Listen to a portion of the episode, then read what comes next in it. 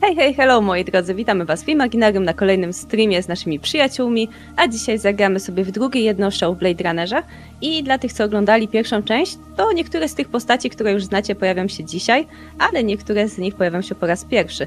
Jednak pierwsze poznajmy, kto z nami dzisiaj zagra, a będzie to Ribald, Dzień dobry, bardzo mi miło. będzie to Refornagator, Hello there. a inaczek Siema. I gospodarz tego streamu, czyli Szwagierek. Cześć, ale ja chyba muszę sobie dobrać drugą część, bo jest Ribald Kramasz, Refur Narrator, nie wiem, jakby szwagier Maruda będę teraz. To nie ta seria. Prawie. Dobrze, ale Ribald dla odmiany ma jednoliterowy człon w nazwie swojej postaci dzisiaj, bo nikt nie pamięta jego imienia. Także widzisz, odbił ci w tą stronę. Każdy pamięta, że ma na imię Coach. Coach No. Carter. Możliwe. Możliwe, że tak jest.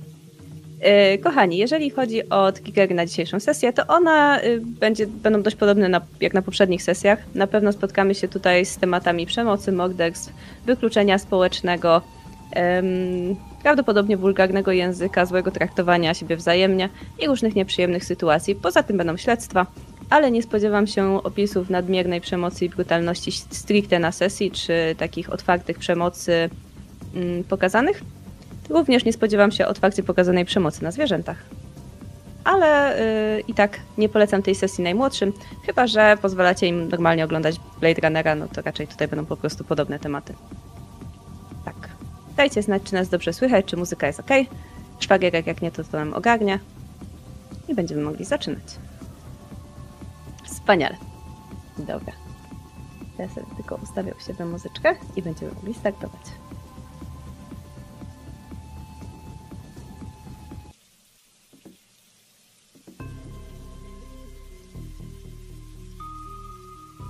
Jest środek nocy.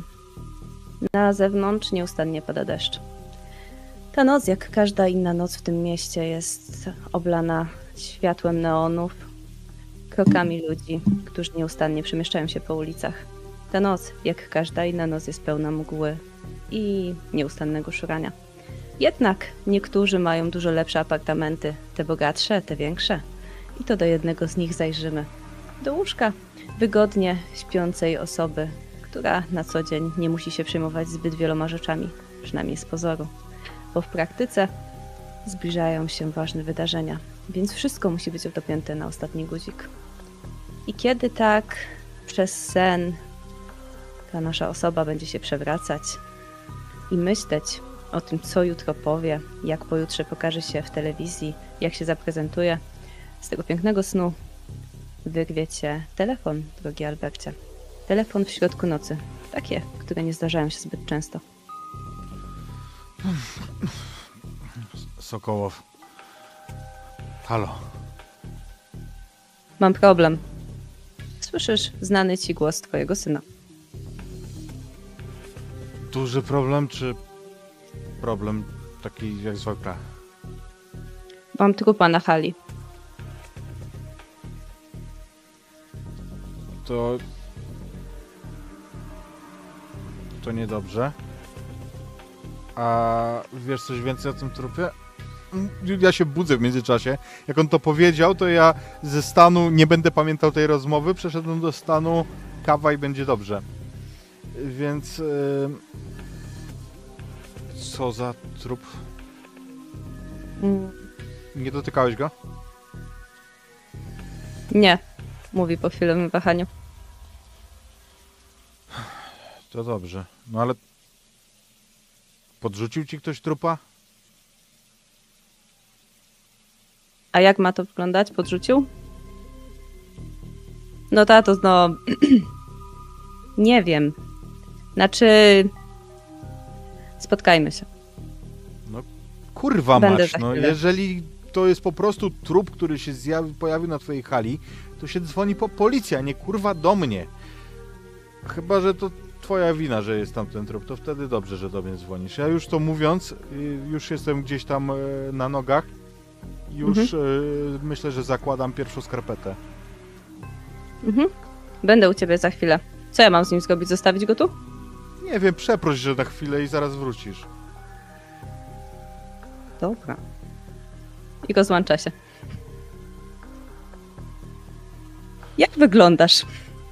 Wyglądam jak ktoś, kto przeprowadził rozmowę z gatunku tych na przyszłość. Gdybym jeszcze planował, to była rozmowa z gatunku antykoncepcyjnych. E, bardzo zniechęcających do jakiegokolwiek posiadania potomstwa. Ja jestem zadbanym 50-latkiem.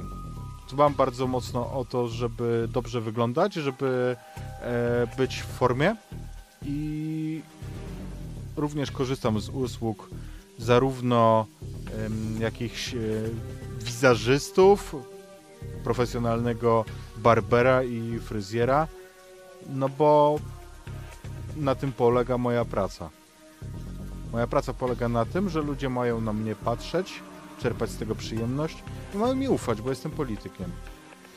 Mam e, szpakowate włosy, przystrzyżone krótko na bokach, nieco dłuższe na górze, bo miałem to szczęście, że wciąż tam zostały. Mm, Nie noszę zarostu, więc dzisiaj no, będzie jednodniowy. W międzyczasie rzucam jeszcze okiem na zegarek. Jest już prawie czwarta rano. Więc zdążyłem przespać dwie godziny niespełna. To nie jest najgorszy wynik, chociaż mogło być lepiej. To prawda. Prawdopodobnie będziesz już ubrany, kiedy twój syn podjedzie swoim samochodem. Całkiem niezłym. Końcu on też musi wyglądać, przynajmniej e, tak byś sobie tego życzył. Zresztą, tą halę, którą prowadzi, ten magazyn, wytwórnię, którą kazałeś mu się opiekować, którą dostał, żeby w końcu był dorosły i zaczął zarabiać jakoś na siebie i ogarniać cokolwiek, to miała być łatwa praca dla niego. Właściwie co on tam robi w nocy? Powinien siedzieć, podbijać papierki i wrócić, wiesz jak jest. No ale tymczasem idzie do ciebie zmoknięty przez ten deszcz i wchodzi do domu.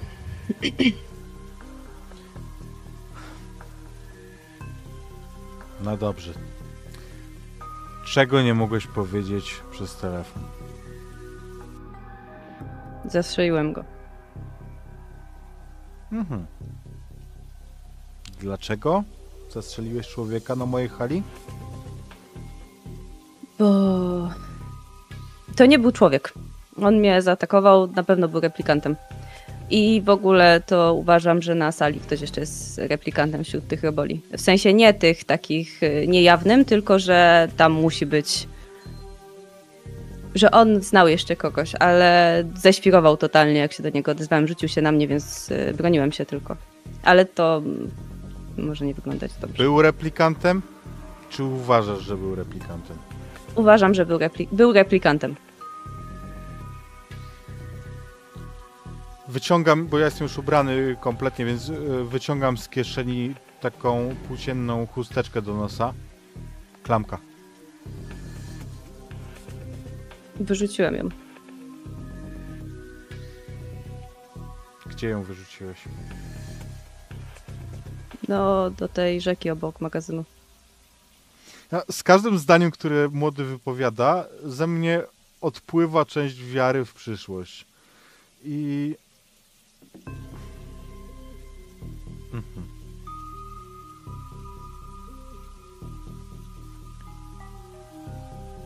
Sam sobie jestem winien. Wierzyłem w bezstresowe wychowanie. Myślałem, że to sprawi, że będzie szczęśliwszy niż ja jestem ale w tym momencie zaraz szlak mnie trafi. I... Może pomyśl, zanim zastrzelisz kogoś na mojej hali, wyrzucisz narzędzie zbrodni tam, gdzie ktoś może je znaleźć. A jak przyjdzie co do czego, to tato ratuj. To co ja mam teraz zrobić? Nie wiem, skacz za nim. Jak ta sierota. Załatwisz to. Jesteś za duży na okno życia. Mijam go już tak odpychając. Ja wiem, że on pójdzie za mną. Mhm, człapię. Po drodze ja złorzeczę, e, złorzeczę w ogóle gana pod nosem, kiedy wychodzi mi gdzieś tam gospodyni przed nos, żeby zapytać, czy napije się kawy, to w momencie, jak na nią spojrzę, ona wie już, że ma się schować i zejść mi z drogi. Mhm. Tak, I- myślę, że i tak będzie kawa gdzieś tam położona na ciebie czekać w którymś prawdopodobnym miejscu, ale nie zobaczysz jej więcej, nie? Jakby tak, bo ja wezmę tą kawę z tej półeczki, gdzie ona będzie, na wylocie, takiej, na której się klucze kładzie, biorę kawę, wypijam to szybkie espresso, kubek wyrzucam w ogóle na trawnik em, i pojedziemy moim samochodem, więc od razu, od razu idę do garażu, żeby go wyprowadzić. Na szczęście twoje znajomości, które budowałeś latami, sprawiają, że znasz kogoś, kto pracuje wśród tych śledczych. Nawet wśród tych, którzy zajmują się replikantami. Świetnie. Myślałem, że będę musiał dzwonić o tej porze do mojej asystentki, a prawdopodobnie puszcza się gdzieś pod kąta, po kątach i mogło to być nietaktowne. Być może. Myślę, że zostawimy cię w samochodzie. I tymczasem przeniesiemy się w zupełnie inne miejsce, bo niebo zaczyna siwieć i wśród tej mgły będziemy w stanie zobaczyć kogoś zupełnie innego. Jak wygląda twój poranek, Carter? Moment, kiedy się budzisz, kiedy wiesz, że za niedługo znowu zacznie się służba. Mieszkanie o takim średnio niższym standardzie. No, w LAPD mamy, mamy służbówki, nie? ale myślę, że te służbówki też się różnią. W zależności od tego, kogo na co stać i kto ma jakie zasługi, a może i inne przywileje. Więc w tym mieszkaniu mm, widać człowieka koło 40, e, który ma jeszcze śpi. Ma owalną twarz, takie regularne rysy, bez zarostu, tak jakby się golił nie tylko rano, ale też przed pójściem spać. A, krótkie, ciemne włosy i sylwetkę, która nie sugeruje, że jest tytanem siłowni, ale też nie zapuścił się za bardzo. Mm. I widzimy, że koło jego łóżka jest taki specyficzny e, przyrząd. E, niektórzy będą wiedzieć, że, że to jest pro, programator, programator nastroju, e, który właśnie teraz wysyła mi e, elektryczny impuls budzika, więc e, jak, jestem jak zawsze zdziwiony, bo momentalnie otwieram szeroko oczy e, i jestem jak zawsze zdziwiony, że zupełnie nie chce mi się spać i że ten sprzęt tak właśnie działa. A zarazem zadziwiające jest też, że ja od trzech lat, dokładnie każdego dnia, pierwszym co robię po tym obudzeniu się, to próbuję zagarnąć prawą ręką lewą stronę łóżka i szukam tam ciepła, szukam ciała, szukam mojej żony, byłej żony, Anabel, może będzie prościej. Ale, ale jak zawsze nie znajduję. Jak zawsze od tych trzech lat i zamiast tego ciała i tej złotej burzy loków jest tylko taka przeszywająca chłodem nieobecność. I właśnie dlatego trzy lata temu wydałem te ciężkie pieniądze na programator nastroju, kiedy Holder mi zagroził wylaniem po zawalaniu roboty. No i cóż, jak do tej pory a, nie zawaliłem więcej. No i potem, kiedy już się pozbieram, to zamieniam tą moją wielobarwną piżamę na płaszcz a, i przed wyjściem z domu kątem oka jeszcze łapię kartkę, która jest przywieszona koło drzwi. To jest ta kartka, którą Annabel mi zostawiła a, trzy lata temu, wyjeżdżając do kolonii. A... No widzisz, kochanie, dawałaś mi trzy miesiące życia, a przeżyłem kolejne trzy lata. Najwyraźniej nie miałeś racji. I teraz ściskam mocno pięść i przyciskam ją do tej kartki, na moim serdecznym palcu wciąż jest obrączka, więc to jest trochę tak, jakbym się odmeldowywał właśnie. A po czym wychodzę i idę do swojego spinera, a po drodze mnie atakują a, cóż, reklamy antydepresantów, uspokajaczy, wszelkiego innego szajsu, którego ja przecież nie potrzebuję, bo ja sobie wypalę trzy paczki, trzy paczki dziennie, ale to dlatego, że to lubię, a nie dlatego, że miałbym jakieś problemy. Więc y, idę, jest deszcz, więc podnoszę kołnierz, płaszcza, ale, ale z tym podniesionym kołnierzem myślę, że ja sam siebie bardziej widzę jako kogoś godnego Holdena, Gaffa czy McCoya, tych starych wyk, tych legend wydziału. I tak się zastanawiam, czy za 10 lat ktoś inny w analogicznej sytuacji wymieni też moje nazwisko, Cartera? Ale to nie jest długa, długa refleksja, bo ta myśl płonie po chwili w ogniu kolejnego papierosa. Myślę, że to już jest piąty dzisiaj co najmniej. Siadam do spinera i powoli, ja nigdy nie potrafiłem tym pilotować, jadę na komisariat. W porządku. Myślę, że na komisariacie wcześniej niż inni zjawi się nasz e, młody jeszcze Ber. Bo od czasu, kiedy ostatni raz cię widzieliśmy, właściwie od czasu, kiedy zacząłeś tutaj pracować, minęło już parę spraw. Z tymi lub z innymi. Głównie poruszasz się tutaj z Arkonem, bo to on jest poniekąd odpowiedzialny za to, żebyś swoją robotę wykonywał dobrze, więc wciąż cię jeszcze niańczy. Ale czy jesteś jednym z tych, którzy pojawiają się pierwsi? Myślę, Jeszcze? najba- Jeszcze. Myślę, że jak najbardziej. Myślę, że pojawiam się praktycznie jak w zegarku. I jest to z pewnością o tyle zabawne, że pojawiam się i wielokrotnie przez jakiś czas nie wiem, co ze sobą zrobić, więc odbieram kawę od jednej z replikantek, która mi ją oferuje. I trzymając ją, będę stał przy ścianie któregoś z korytarzy, oczekując na mojego towarzysza. Staram się nie rzucać w oczy. Staram się robić moją rolę, wykonywać moją rolę, wykonywać zadania, które są mi powierzone i nie ściągać niepotrzebnej uwagi. Minęło niewiele czasu, ale nauczyłem się już, że nie jestem tutaj najmilej widziany przez może nie wszystkich, ale przez co po niektórych. Nie ściągam wzroku, czekając, aż przybędzie Arkon. W porządku. Myślę, że i tak co jakiś czas jesteś zaczepiony. E, replikantka, która podaje ci kawę, on i tak po- przychodzi na styk, więc masz jeszcze 30 minut czekania. Jaką dzisiaj kawę wypijesz?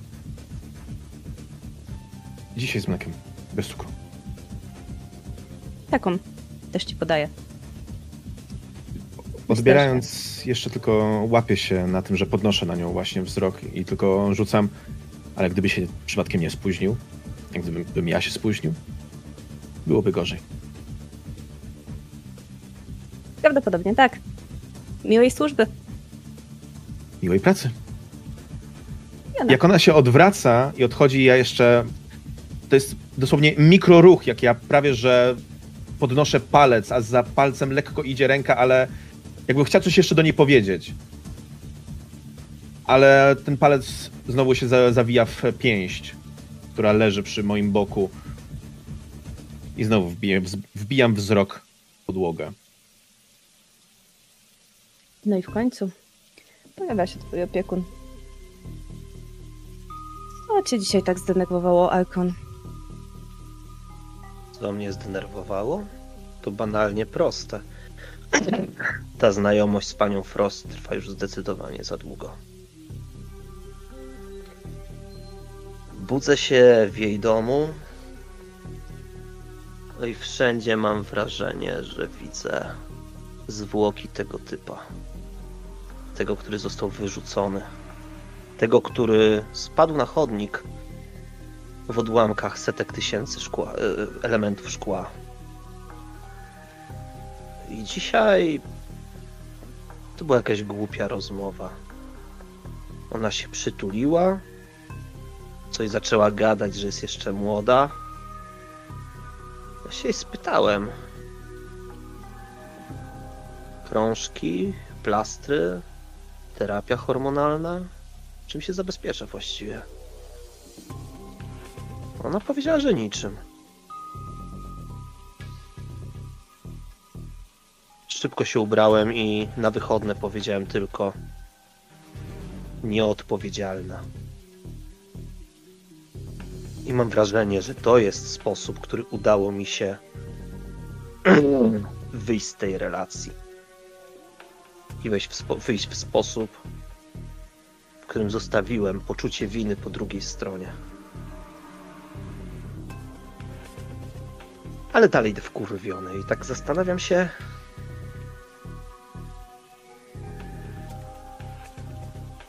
Kiedy i gdzie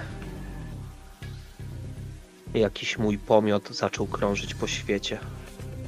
Jeśli.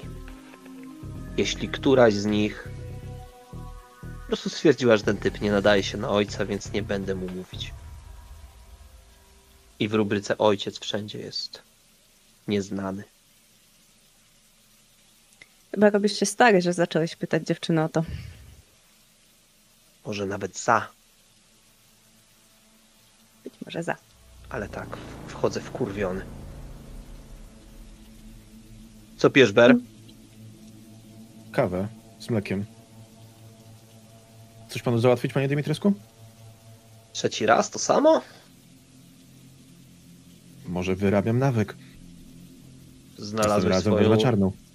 znalazłeś swoją ulubioną. Nie przyzwyczajaj się. Nawet nie wiesz, kiedy kawa z mlekiem powie ci, że to nie jest mleko. Bo to nie jest mleko. To jest jakieś syntetyczne coś. Ale każdy nazywa to mlekiem, więc ja też nazywam to mlekiem. Te. I twoja kawa rano powie ci, że tym razem bez żadnych dodatków. Ech, daj spokój. Stary coś chciał, stary coś mówił? Na razie nic. I myślę, albo...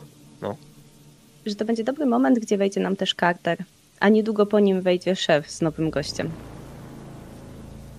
Ale dajmy się przywitać Carterowi. Chodzę i to jest Arkon chyba taki żart, który krąży po komendzie, e, który można właśnie opowiadać Berowi na, na mój widok, że e, gdyby ktoś kiedykolwiek powiedział do mnie po imieniu, to masz wrażenie, że to, co się stało podczas zaciemnienia, byłoby błahostką. I Dokładnie. idę takim w miarę, w miarę stanowczym krokiem. Um, uśmiecham się, Arkon, na twój widok. Um, podchodzę, podchodzę do was i w mojej podaję rękę, a od razu w lewej ręce jest paczka niebieskich Chesterfieldów. A żebyście się poczęstowali. Ber, Tak? Ka- to jest Carter. Dzień dobry, panie Carter. Podaję w swoim kierunku rękę. Nie mieliśmy Pan- okazji jeszcze. Pan Carter co? był dla mnie 83. tym, kim jestem dla ciebie. Od chłopie, tego człowieka możesz się naprawdę dużo nauczyć. Przekrzywiam głowę i uśmiecham się półgębkiem, po czym trochę za cicho, ale każdy to słyszy. Wychodzi żart. Znaczy mam do pana mówić dziadku?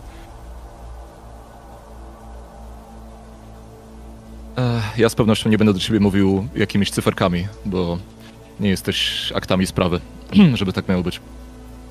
Natomiast coś jeszcze było w tej scenie, jakbyśmy się wrócili. Coś, coś na co Arkon na pewno ty zwróciłeś uwagę, bo ty już byłeś świadkami moich przywitań z replikantami.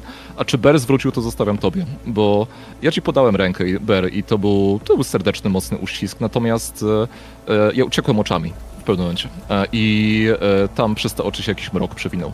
Natomiast e, Arkon, jeżeli ty mnie kiedyś pytałeś, o co chodzi, e, to nigdy się nie doczekałeś żadnej konkretnej odpowiedzi. Najwyżej jakiegoś pierdololo i wiesz, ogólnej teorii hist- i historii. Ale wyro- wyrobiłem sobie pewien pogląd po latach służby. To może być tylko moje przemyślenie, ale kurde. Niektóre Nexusy mają ten numer cholerny. I liczenie na odwzorowanie gestu. I szansa zauważenia tego numeru. Ale to jest moja bardzo wyrafinowana teoria. Chyba jedna z najbardziej wyrafinowanych, a co sprawia, że być może najbardziej błędnych. I tak naprawdę wydaje mi się, że w tym momencie, w którym podajemy sobie rękę, tylko Arkon ma szansę dostrzec, że właśnie nasz wzrok się w ogóle nie spotyka. Szczególnie po tym moim żarcie, który kompletnie nie siadł w tym towarzystwie. Widzicie, że ja momencie. mam porzuco- porzucone zęby od, od fajek już ewidentnie e, i kolejną, która tylko pogłębi ten proces. E, no i co? W jakim nastroju jest nasz dychawiec? Ja tutaj schylam się do Bera. Tak, e, tak pieszczotliwie nazywamy szefa. Właśnie otwierają się drzwi i przez e, całą długość waszego korytarza przechodzi szef z kimś, kogo byście się nie spodziewali w takim miejscu. Yy, Albert, czy ty odesłałeś swojego syna? Tak, on jest za głupi, żeby mi towarzyszyć w takich miejscach. To jest za duże ryzyko, że wypadnie z niego jedno lub dwa zdania za dużo w bardzo nieodpowiednim momencie, więc ja zupełnie przy, przechwyciłem tę sprawę. Kazałem mu siedzieć w domu i meldować się wiadomością tekstową co pół godziny, że dalej jest w domu. Dobra. W porządku, więc myślę, że w momencie, kiedy wchodzisz, zobaczysz, pewnie nie po raz pierwszy, miejsce pracy tych wielu wybitnych, wybitnych jednostek. Szef, zapraszam tędy. Otwiera ci drzwi do niewielkiego gabinetu, ale zdecydowanie bogatszego niż e, pozostała część tego miejsca. Spogląda nas. Panowie, cała trójka za mną. Zobacz, Carter. Szyszka przyszła. Co też kot przyniósł. Hmm? Chodźmy, Ber. Będziesz świadkiem ciekawych rzeczy. Chodźmy więc. Ja zakładam, Albercie, że mieliście okazję, zanim jeszcze weszliście tutaj, do tego miejsca, porozmawiać z tym człowiekiem na temat twojego drobnego problemu, niewygody. Myślę, że tak. Wyglądało? Od razu przeszedłem do meritum. My obustronnie zawdzięczamy sobie dużo. I myślę, że nasza przyjaźń polega w dużej mierze na tym, że każdy temu drugiemu mierzy w krocze. I przeszedłem do meritum. Nie będę ci owijał w bawełnę. Mój syn debil zastrzelił kogoś w mojej hali. Prawdopodobnie replikant, on tak twierdzi, więc to nie jest zweryfikowane. Mm, Jeszcze debil wyrzucił ten pistolet do rzeki. Chociaż przy tej kwasowości rzeki to może to i dobrze. Ale tutaj dopalam papierosa, rzucam go na ziemię. Wiesz co się będzie działo, jeżeli to wypłynie, że akurat w mojej pieprzonej hali zginął replikant? Już bym kurwa wolał, żeby to był człowiek. Niby tak. Tak. Wiesz coś o tym człowieku? Mógł mieć z kimś kłopoty, mógł zrobić to ktoś inny? Hmm. Rzucił się na mojego wspaniałego potomka. I w obronie własnej ten go zastrzelił. Ale chcę to sprawdzić. Chcę. Chcę trzymać rękę na pulsie. Nie wiem kto to jest. Chociaż pewnie po drodze się dowiedziałem, nie? To jest pytanie nad stołem. Tak, myślę, że to jest typek, nazwijmy go Mike Stone, którego twój syn wyjątkowo nie trawi. Pracownik jak pracownik, po prostu osoba fizyczna, służąca jedynie do tych najprostszych Więc zadań. inaczej. Mimo, że Odpowiem inaczej. O przymurek. Nawet jeżeli to był człowiek, to absolutnie nikt w tym mieście nie będzie po nim płakał.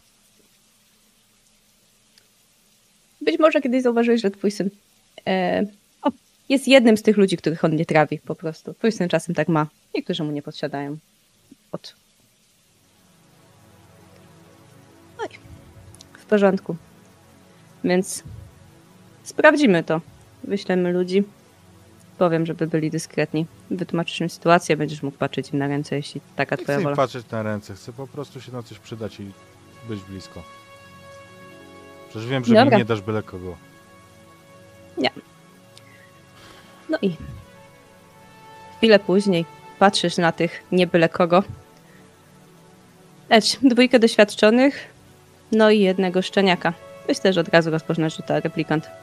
Ci z Nexusa 9 są już rozpoznawalni. Miło panów poznać. Szczególnie serdecznie uściskuję rękę em, replikantowi, bo z, z pozostałymi to jest zwykły męski mocny uścisk. Natomiast e, przy replikancie z przyzwyczajenia, bo ja muszę pokazać, że nie mam uprzedzeń. Więc jeszcze drugą ręką poprawię ten uścisk. I na ten e, gest, ściśnięcie mojej ręki drugą ręką, ja na dosłownie pół sekundy uniosę wzrok w kierunku e, twoich oczu. Kiwnę głową, opuszczę. Przerażają mnie oni.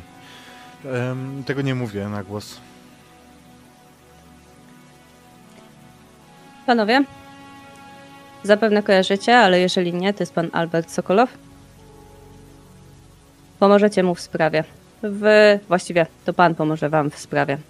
W hali wydarzył się wypadek, którego ofiarą, w którego wypadku doszło do morderstwa lub niefortunnej śmierci. Należy to sprawdzić. Szybko, skutecznie. Dyskretnie. Czy to Prawdopodobnie znaczy, ofiara że- jest replikantem. Czy to znaczy, że podejrzanym również jest replikant? Niestety Chcę upewnić nie. się. Tu się wpadam mu w słowo. Mhm. Niestety nie, bo tak się składa, że doskonale znam ech, ojca podejrzanego. Ale to w niczym nie szkodzi. Może tak być, że żona zrobiła mu psikusa. Niektóre ósemki są praktycznie nie do odróżnienia. To człowiek. Natomiast to, co się stało, to była obrona konieczna i to chcę tylko sprawdzić i zweryfikować. Rozumiem. Chce pan to zweryfikować, czy jest pan pewien, że to się stało? Gdyby mój syn był jak ja i powiedział mi to, co powiedział, to byłbym pewny. Ja mówię już tak. To jest poziom szczerości, na który ja normalnie się nie zdobywam, a przed kamerą nigdy w życiu bym się nie zdobył. Bo Panie Sokołow, panie Sokołow, nie jestem pewny, czy ta planeta jest gotowa na dwóch panów, więc może lepiej, że syn jest jaki jest. Ale jakbym ja powiedział, że coś zrobiłem albo czegoś nie zrobiłem, to tak jest albo kurwa kłamie. Ale generalnie za swoje czyny biorę odpowiedzialność. A on jest zawsze w terapii. Kurwa, nie robi rzeczy, bo on jest w terapii. Przepraszam. Jest pan idealnym dowodem na to, że rozmnażanie nie jest dobrą rzeczą. Komuś to muszę zostawić, prawda? A mówią, że politycy są wybieralni. Tak. Dmitresko, nie proszę cię o szukanie takich dowodów na to, czy ktoś jest, czy nie jest odpowiedni do rozmnażania. Gdzieś bym śmiał, szefie. To w ogóle nie ta bajka. Podejrzewamy Więc nie mogę udział osób trzecich? Według mojej wiedzy nie. Gdzie się to wydarzyło? Może ja pokażę. Bo jak rozumiem, mamy być dyskretni. Oczywiście. Sądzę, że będę potrafił się odwdzięczyć Hala, rozumiem, jest zamknięta. naturalnie. Ona nie była zamknięta, kiedy wyruszaliśmy z domu. To jest już coś, co musiałem ja zrobić. e, W Mhm. sensie, mm, żeby Tak. zrobić takie podstawowe rzeczy.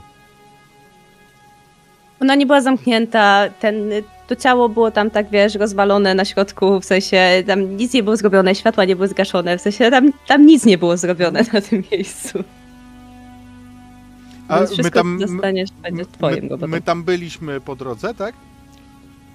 Z y, szefem nie. Byłeś tam wcześniej z synem. Nie no, z synem, y, o tym mówię. Tak, z synem, tak. Mm, Myślę, że na pewno bym sprawdził oczy. Chciałbym sprawdzić, czy to był replikant. Jeżeli był replikantem, to nie był dziewiątką, bo po oczach łatwo jest sprawdzić dziewiątkę. Mhm. Y, Ósemki są trudniejsze do zweryfikowania Jasne. często. Jasne, to była je- jedyna rzecz, którą tam sprawdziłem. Później już udałem się tutaj, bo ja Więc- nie jestem w stanie tego zrobić sam. Użył Tak. pan rękawiczek? Oczywiście. Jesteśmy zawodowcami, proszę pana. Miło rozmawiać z profesjonalistą, proszę pana. Panie Carter, ma pan jakieś pytania? Nie, myślę, że wywiad wstępny jest doskonały, więc zainteresowała mnie ta sprawa, przyznam. I bierzmy za tym. Ber, Czyli podsumowując, znamy sprawcę, podejrzewamy obronę własną, ruszamy na miejsce, żeby zweryfikować sytuację, zbadać e, sytu- zbadać w, jakich, w jakiej sytuacji, w jakich okolicznościach doszło do zdarzenia. Później co? Później się zobaczy. Rozumiem. Później żmudna, biurokratyczna robota. Trzeba Papierowe. będzie. Nie. Trzeba będzie sprawdzić wyciąg akt tego nieszczęśnika. Sprawdzić wszystkie rzeczy krok po kroku. Czyli Kiedy badamy. się pojawił, od kiedy pojawiły się dokumenty. I ja mówię dokładnie całą procedurę, wprowadzając Bera, przypominając pewne rzeczy. O tym, że tak naprawdę w przypadku replikantów oni się czasem po prostu biorą powietrza. Trzeba będzie A po prostu sam- sprawdzić, ile razy na przykład zdawał na jakiś egzamin, jaką szkołę skończył, czy skończył. Czy na przykład nie było przerwy w życiorysie, bo mógł być człowiek, a potem go rodzina chciała zastąpić. Jest dużo do sprawdzenia. Żmudnej, papierkowej roboty. Ale na razie tak, Ber. Zrobimy dokładnie tak. Oczywiście. Kiedy skończyłeś ten wywód, to, to cię Arkon e, delikatnie poklepałem po ramieniu, e, zdając sobie sprawę, że ja te same rzeczy robiłem tobie. Mm.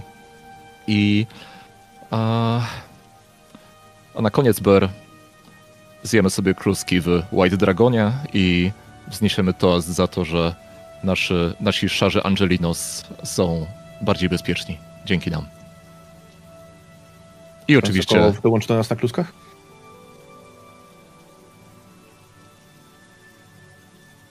Nawet nie wiesz, od kogo poznaliśmy kluski. Chodźmy. Mam wrażenie, że zrobiło się nostalgicznie, szefie. Czy jeszcze jakieś zalecenia? Ruszajcie. Yes, sir. Oczywiście. Służy ci chronić. Panie Sokołow, zapraszamy. Dziękuję.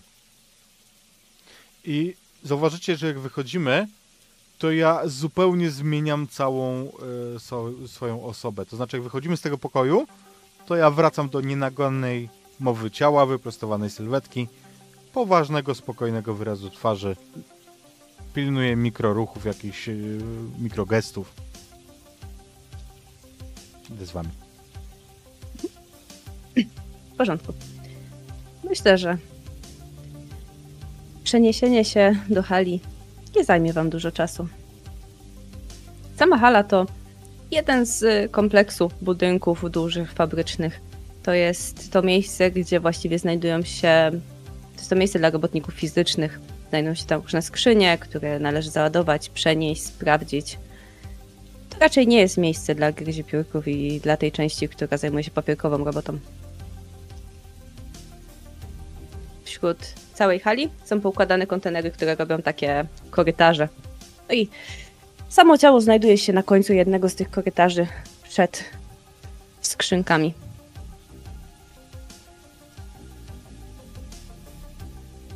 To tutaj Mężczyzna. ja za nami zamykam drzwi hali, jak wchodzimy. Oczywiście. Nikogo tu nie ma. Dostajesz kolejne pingnięcie od syna, że w domu. Jak wygląda sprawa z monitoringiem? Nie zdążyłem sprawdzić niczego, ale. Ale myślę, że dobrze będzie, jeżeli razem obejrzymy to, co się nagrało. Absolutnie. Obowiązkowo właściciel powinien przy tym być. Miejmy nadzieję, że nic nie zginęło w międzyczasie. Ale na razie przyjrzyjmy się temu, co jest tu. Jak rozumiem, my dokonamy wstępnego oglę- oględzin. Technicy zostaną wezwani dopiero jak skończymy. Dobrze zrozumiałem? Naszego szefa? Jeżeli chodzi o techników, to chyba obiekt im nie ucieknie. Nie. Nie ucieknie. Dziękuję. Żeby wam nakreślić nieco bardziej obrazowo sytuację, mężczyzna ułożony jest tak, jakby zjechał z po tych skrzyniach i ułożył się ostatecznie w takim półleżeniu na ziemi. Ma w klatce piersiowej dwie dziury po strzałach. W górnej części klatki piersiowej mniej więcej na łączeniu mostka i nieco niżej. Na te kontenery, które są za nim, są obryzga, obryzgane krwią. No i widać od pewnego momentu taki ślad zsuwania się w momencie, kiedy prawdopodobnie upadał. Jest to rosły mężczyzna ubrany w taki normalny strój roboczy, z twarzy podobny do nikogo. Wyciągam kejajo i zaczynam robić zdjęcia. Najpierw całej sylwetki, okolicy, plam krwi, e, samych e, ran wlotowych, żeby nic nam nie umknęło, zanim zaczniemy przesuwać ciało. Kiwam Arkonowi z uznaniem, że... Mhm. Czy ojciec sprawcy wspominał, skąd sprawca miał broń?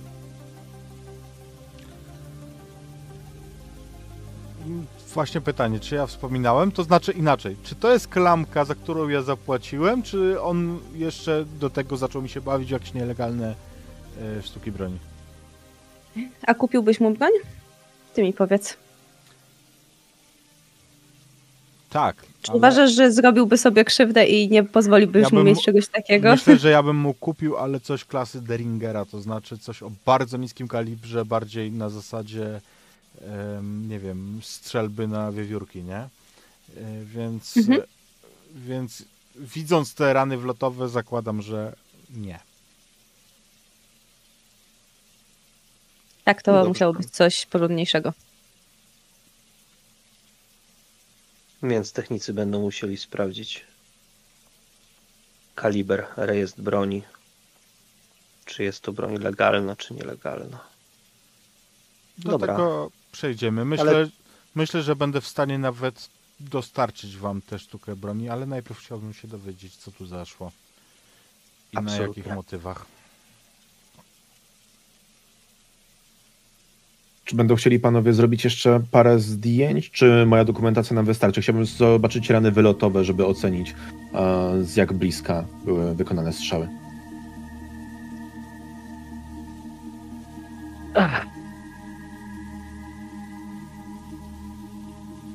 Chodźmy, panie Carter. Ja zakładam rękawiczki. Masz zdjęcie jak leży? Bo chciałem go odłożyć dokładnie w ten sam sposób. Oczywiście. Mm, Dobra. Tylko podnoszę moje KI i wysyłam wam obu zdjęcia. Dobra. Ja w takim Moglibyśmy wypadku po staremu obrysować, no ale... zostawmy to techniką, naprawdę. Ach. Jak ja tego nie cierpię. I faktycznie podnoszę to ciało, żeby Bear zrobił zdjęcia ran wylotowych.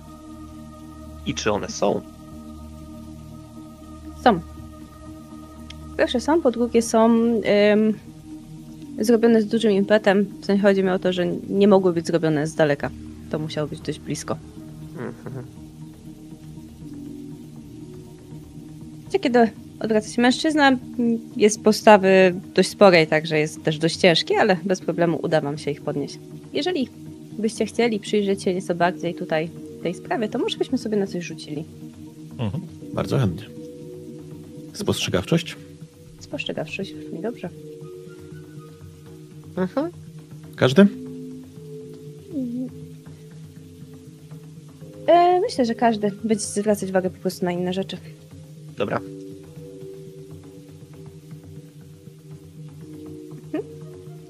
Porządku. Więc generalnie, jeżeli chodzi o ciebie, drogi Arkonie, no to zobaczysz, że faktycznie to musiało być e, jakiegoś rodzaju szarpanina. E, Ubranie tego mężczyzny jest e, nieco przesu- przesunięte, naciągnięte, gdzieś jest lekko naddarte, więc prawdopodobnie tutaj musiało dojść do jakiegoś szarpania się. I to jest jedyna rzecz, którą ty dostrzeżesz. Oprócz tego, jeżeli chodzi o okolice, to Carter wygląda jakby hala tutaj stała, w sensie jakby nie było tutaj zmiany. Nie wiem na ile to jest dla ciebie normalne, że hala nie ma jakby takiego ciągu, ale jeżeli chodzi o użytkowanie tej hali, to ona wygląda na użytkowaną tylko okazyjnie. Gdzieś powoli się zbiera kurz, niektóre części są mniej używane, inne są bardziej używane. Jest to taki magazyn, który ma te korytarze na przykład jest taka część, z której częściej się bierze paczki, gdzieś tam dostarcza się te rzeczy i bierze. Ta część tutaj to nie jest najbardziej używana część tej hali. Także musiało to być spotkanie jakkolwiek celowe, albo musieli się tu przenieść z jakiegoś powodu. Tak czy siak, coś- y, Co się tu w ogóle produkuje? coś tam produkuje, Albercie? Tutaj nic się nie produkuje. To jest hala magazynowa. Centrum logistyczne. Tutaj się przywozi moje towary i wywozi je dalej. Mhm. Różne Jakiś towary. konkretny rodzaj towarów? Różne towary z różnych firm. Mam na przykład fabrykę, która pro- produkuje barwniki spożywcze. Mam również fabrykę podzespołów do, do elektroniki, również samochodowej. W tej konkretnie hali jest mały ruch. Zarządzanie idiota, proszę nie zapominać. Rozumiem, że to jest magazyn, który można kupić w każdym sklepie z magazynami. Dziękuję. A jeżeli chodzi o Bera, to ty Trzy- skupiasz się trochę na tych kulach. Tak. Mhm. Ja trochę na- rzucam tylko jedno hasło Berowi. I Ber. Co nam mówią? Takie rany wylotowe. Potwierdzałoby to sytuację, wedle której strzały zostały wykonane w obronie własnej, najprawdopodobniej w momencie, kiedy ofiara, przepraszam, sprawca, wykonał początkowe momenty obrony własnej. To prawdopodobnie były impulsy, na co wskazywałoby dwa strzały. Mogłoby być ich więcej, co by tym bardziej podkreślało wygnanie tego pod wpływem emocji, jednakowoż dosyć jasno informuje nas o tym, że były wykonane z bardzo bliska. Ale jak tak rozejrzę się po torze lotu, No właśnie. właśnie. I to jest dość ciekawe, bo jeżeli chodzi może nie tyle o, jeżeli chodzi o wylot, ale też o rozbrysk krwi, która sugerowałaby, jak posta- jak postawili na chwilę, podnieśli tego mężczyznę, zresztą jesteś w stanie ocenić jego wzrost, to osoba, która do niego strzelała, musiała być podobnego wzrostu do niego samego. W sensie albo bardzo dziwnie ułożyć rękę podczas e, strzelania, żeby strzelić z większej wysokości niż normalnie wygodnie trzymasz pistolet. Mhm. Czy mogą panowie przytrzymać ofiarę jeszcze przez moment? Ja wyciągam moją broń służbową e, PKD i przymierzam do dziur. Próbując. Jesteś za niski. A ja nie jestem. Jesteś niski. postawny. Mhm. I najpierw mój wzrok ląduje na Dymitresku, później na Carterze i wy, wi- widzicie konsternację. Widzą to panowie, prawda? Przy, to, to jest naturalny kąt, pod którym powinien zostać oddany strzał. Nie pasuje mi tu coś.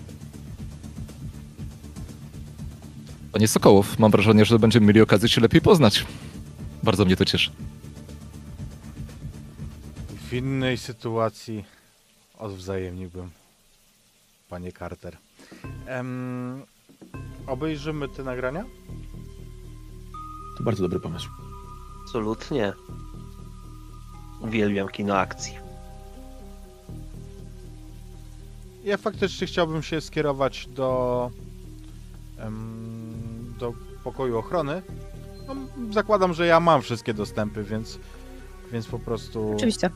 Więc po prostu tam, e, tam chcę wejść i tam chcę e, rzucić okiem na, na nagrania. Chcę odpalić tak, żeby wszyscy widzieli. W porządku. W momencie, kiedy jakby odpalasz, przeskakujecie, wyświetlają wam się te monitory z y, różnego kąta nagrań tak naprawdę, to ktoś musiał, może przypadek, ale jeżeli chodzi o ten punkt w magazynie, on jest w dość komfortowym punkcie. W sensie, jeżeli chodzi o kamery, to to jest trochę martwy punkt, ale wciąż widzicie osoby, które tam są w stanie wejść i które wychodzą.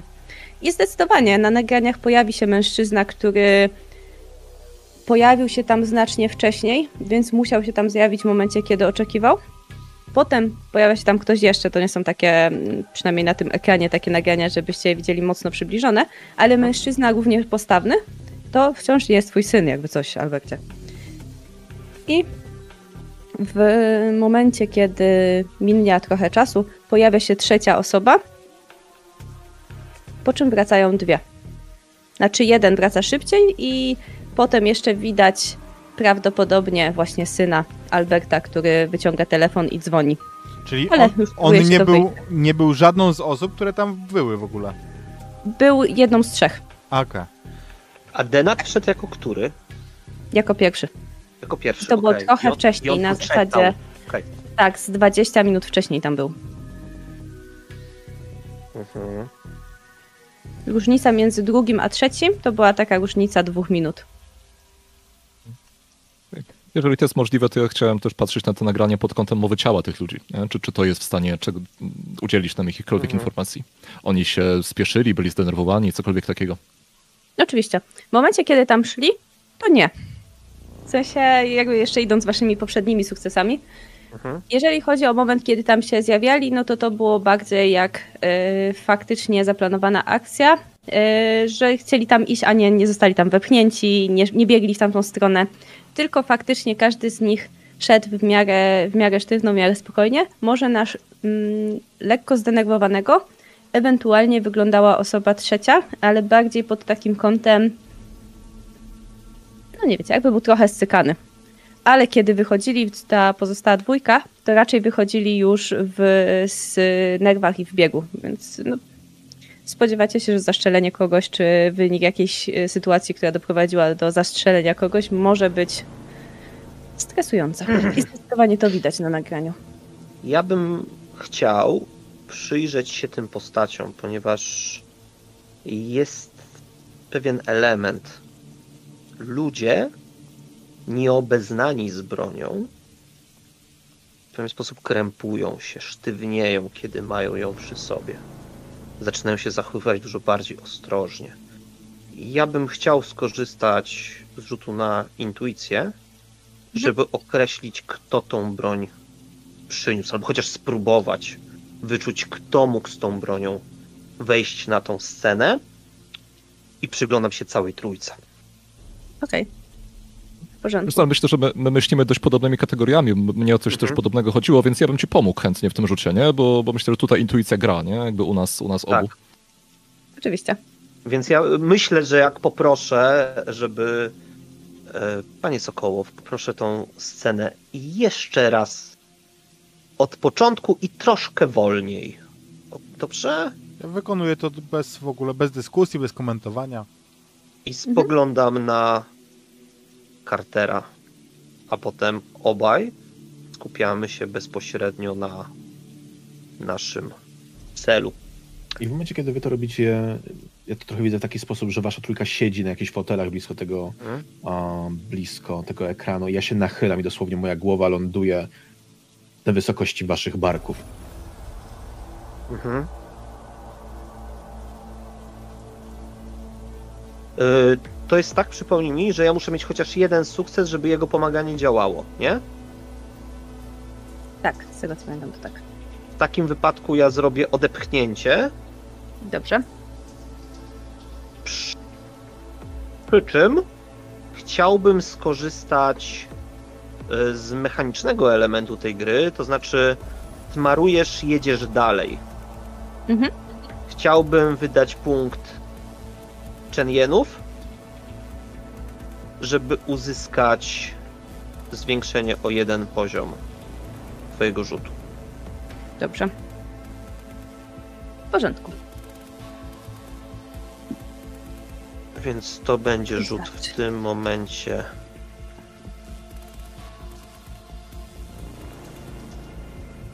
Mam pewną intuicję od Bera. No nie wierzę. Nie tym razem. Nie tym razem. Być może jesteście już za starzy, panowie, na tą grę. Ale, y, Ber, ty będziesz to widział. Chyba, że chciałeś intuicyjnie sprawdzić coś innego. E, tak, ja będę chciał sprawdzić coś innego. Myślę, że tutaj Mm, myślę, że możemy to oddać e, Rivaldowi, ponieważ są dw- dwa sukcesy z tego, co widzę. A ja zaraz Mhm. będę chciał coś jeszcze innego sprawdzić. Więc myślę, że ja tego nie jestem w stanie wyczuć tego, co, e, na co panowie zwracali uwagę, ale jest coś innego. E, jako, że Ribald pomagał po prostu, to u Mhm. niego te sukcesy trochę przepadły. A, Ze rozumiem. względu na to, że główno Okej. pomagającemu Okej. się nie udało. Tak, To, to zróbmy to. Tak. Okej, jasne. Okej. Dobra, czyli chcesz na to zwrócić uwagę. Mhm. Zdecydowanie najmniejszy posturą, czyli prawdopodobnie syn Alberta. On nie wygląda jak pracownik siłowy i to on jest lekko spięty i wygląda jak ktoś, kto ma rzeczy, których być może nie powinien mieć. Czyli pewnie intuicyjnie to on wyniósł broń. Ja wyrażam to na głos, te myśli. Obserwując wszystkich trzech biorących udział w tej czynności, możemy zwrócić uwagę na to, że najniższa spośród postaci jest najbardziej zestresowana, najbardziej spięta. Czy to może na coś wskazywać? I tutaj obracam się pytająco na was. dokładnie tak, Ber.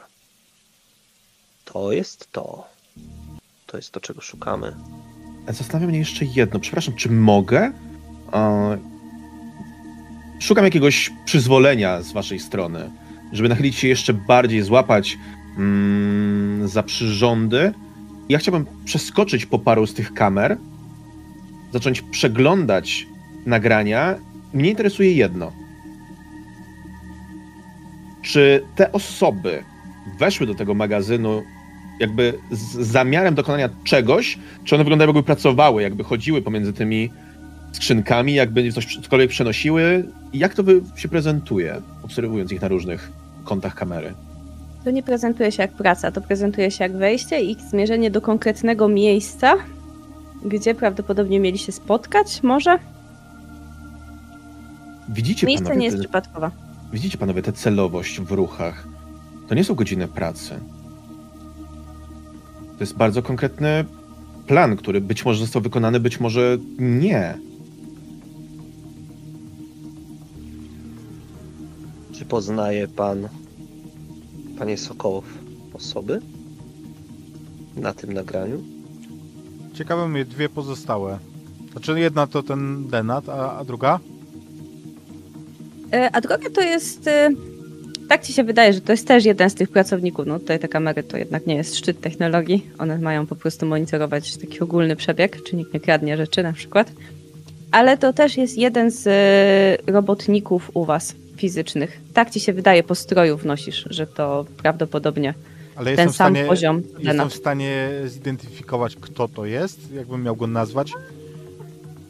Gdybym na przykład potrzebował, żeby, żeby go znaleźć. Jak czujesz? Zarządzałeś tą Harlą na tyle? Byłeś przy przyjmowaniu tych ludzi? Interesowałeś się nimi kiedyś? nie. Pewnie nie, ale może sprawdźmy. Sprawdźmy w takim razie. Hmm, ale jednak go znasz.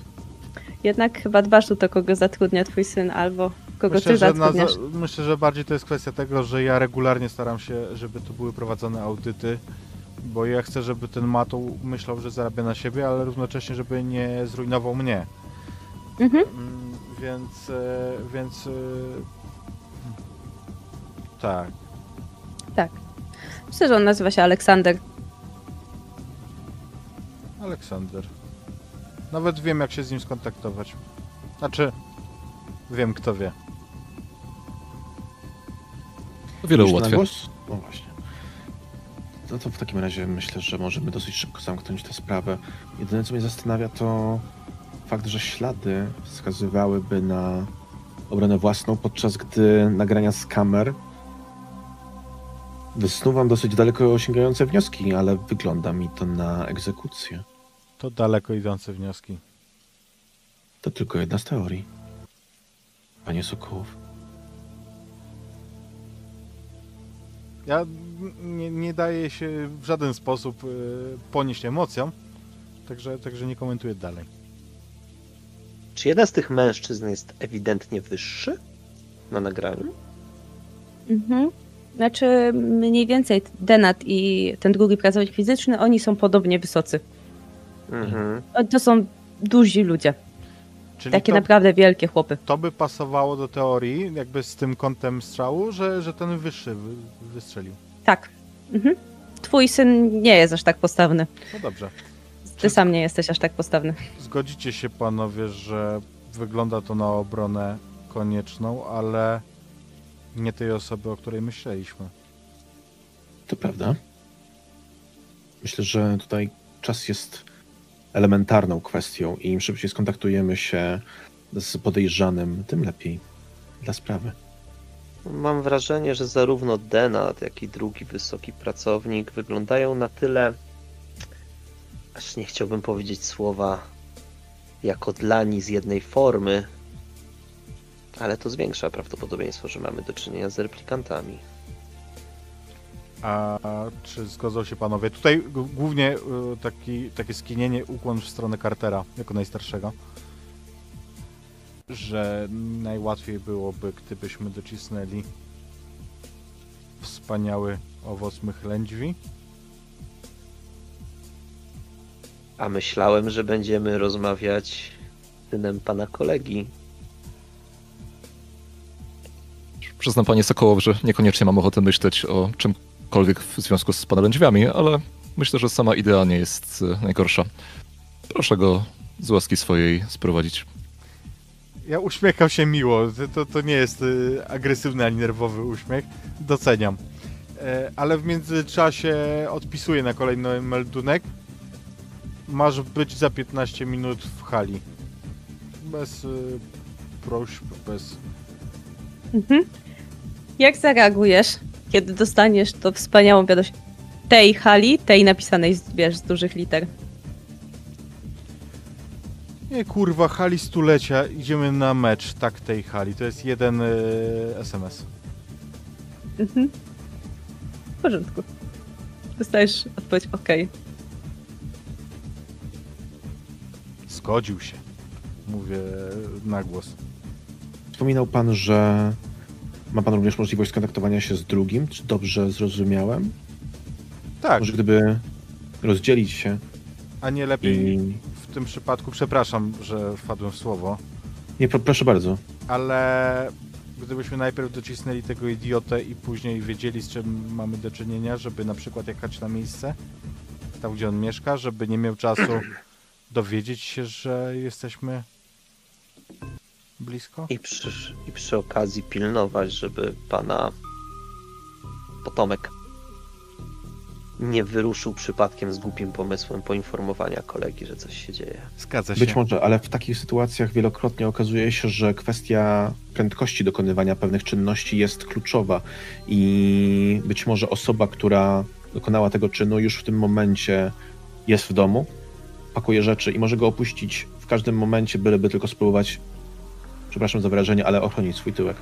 Jesteście ekspertami, panowie, a w tym przypadku, jak rozumiem wasze profesjonalne spojrzenie, mamy podejrzenie dokonania morderstwa ze strony tego człowieka, więc oczywiście nie będę wam mówił, co trzeba robić.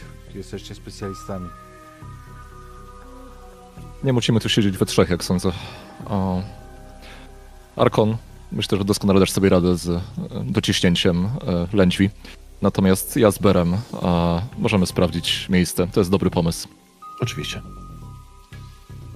Dobrze, panie Carter.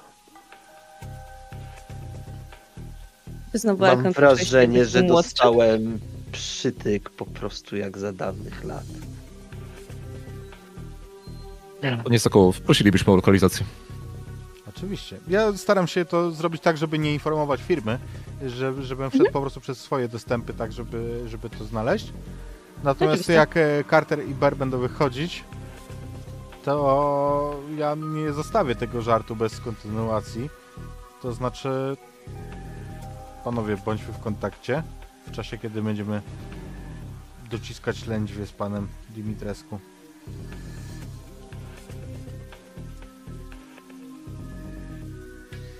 Ber.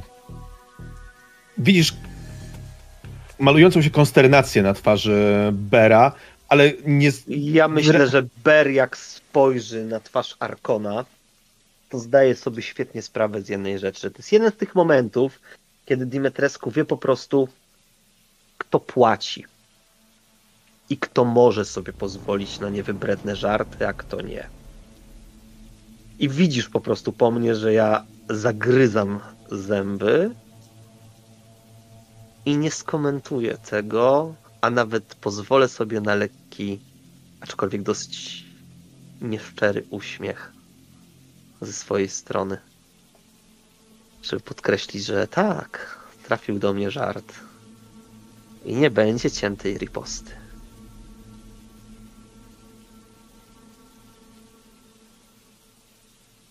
Jeśli jest cokolwiek, co chciałbym w tym momencie powiedzieć, to zamykam to w sobie i biorę azymut na spinera. W porządku. Dobrze. Więc e, myślę, że zaczniemy od Was, panowie, którzy zostali. Twój syn zjawia się niedługo potem. Witaj. Gdy... Fa- Fajnie, Tak. że wpadłeś. Dzień dobry, panie Sokołow. Cieszę się, że wyciąga przyjąłeś rękę. zaproszenie. Chciałem się tylko upewnić, dobrze? Dzień dobry. To wielki zaszczyt. Daję ci rękę. Ja myślę, że Albert widzi, że ja nie wyjąłem jeszcze żadnego urządzenia, nie robię żadnego protokołu. Więc ja, y, widząc to, y, skorzystam z tego, że y, i przejdę z tego. Fajnie cię widzieć. To naprawdę, naprawdę serce mi rośnie. Do tego, że jak on jakkolwiek się rozpromieni, bo on jest za głupi, żeby wyłapać groźbę, mm, złapię go za kark, za włosy na karku i jego twarz będzie w takiej odległości od monitora, na której jest wyświetlony atlas obkładka, gdzie idzie tam drugi wysoki. Kto to kurwa jest? Matko, jak ja dawno nie odgrywałem dobre, dobrego gliny. Nie będzie dobrych glinów. Rzuć mi sobie na manipulację z twojej strony. To jest twój syn, ale zobaczymy jak jak szybko się obs... Oj, biedaczek. Więc myślę, że Arkon zobaczy jak ten chłopak, który jeszcze przez chwilę się uśmiechnął, po tym jak prawie przywalił w ten monitor, a mm, zbladł, To jest Aleksander. Y, Pracuje u nas. Wiem kurwa, że to jest Aleksander! Co on tu robił i czemu zabił tego człowieka? W obronie własnej, w sensie mnie obronił, bo, bo on zaczął, y, bo on robił problemy. Tak naprawdę y, Jedno kłamstwo.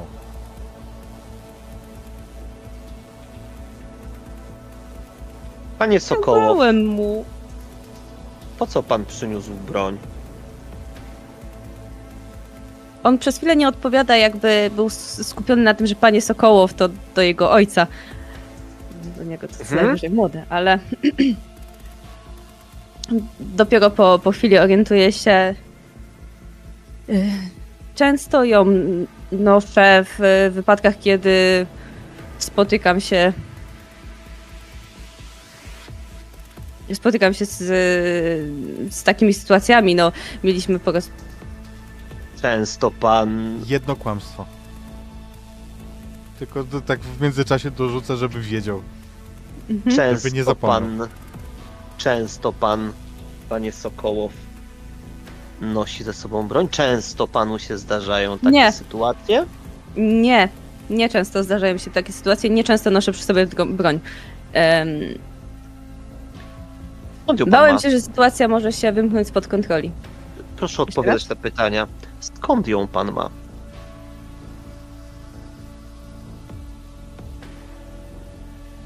On y, przez chwilę waży słowa, ale ty umiesz go czytać, Al, y, Albert. On się zastanawia, czy to jest miejsce na kłamstwo, czy jeszcze mogą być gorsze pytania. Ja nie powiedziałem, że on może jeszcze jedno zrobić, tylko jakby zakładam, że to nawet on załapał, że jedno kłamstwo będzie jego końcem. Mhm. Mhm. Kupiłem. Gdzie? Od y, znajomego mówią o nim Skorpion i to jest, on sprzedaje co jakiś czas broń albo inne rzeczy, które się chce u niego kupić. Ja dyskretnie wrzucam skorpiona na bęben. Mhm. Sprawdzam po prostu, czy ktoś taki funkcjonuje, czy to jest ktoś, kim się interesujemy, czy to nie jest. To jest ksywa, którą można mieć tylko jeżeli się samemu sobie wy, wymyśliło ksywę, nie? Nie, nie da się mieć takiej Tak. ksywy. Nie ma Tak. sytuacji, gdzie kuple mówią na siebie ko- skorpion. Nie ma. Generalnie to w jego wypadku być może nawet to się wzięło z czegoś więcej niż tylko wymyślenie sobie samemu krzycywy. Skorpion to jest gościu, który zaczynał od prowadzenia sklepu z imitacjami skorpionów po prostu.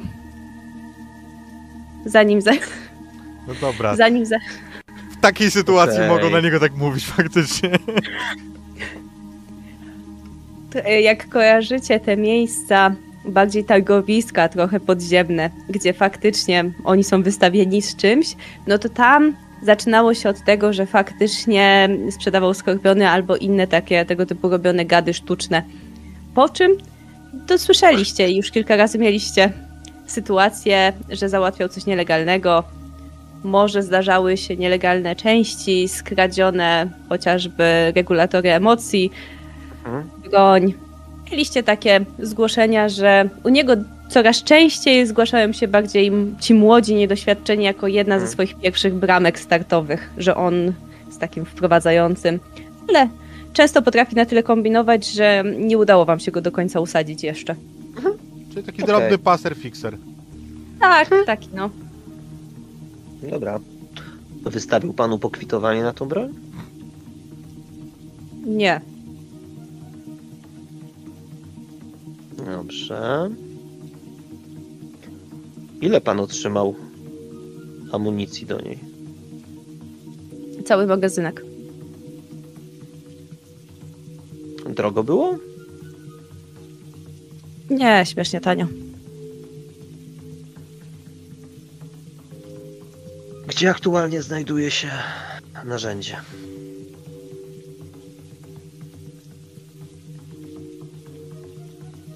Powinna być pod wodą. Poproszę precyzyjnie jednak. Panie Sokołow, to nie jest miejsce na żarty. Powinna zostać wrzucona do rzeki obok magazynu. Miała Znaczy, zostać wrzucona powinna zostać wrzucona, miała zostać wrzucona. Pan ją wrzucił? Nie zrobiłam tego osobiście, wydałem takie polecenie. Komu pan wydał takie polecenie? Panie Aleksandrowi, Sokołow? Aleksandrowi. mężczyzna na nagraniu. Mhm, rozumiem. Dobrze, dobrze. Czy Aleksander zachowywał się w jakiś sposób niewłaściwy, miał wahania emocji, widać po nim było jakiegoś rodzaju zachowania niestandardowe w ostatnim czasie?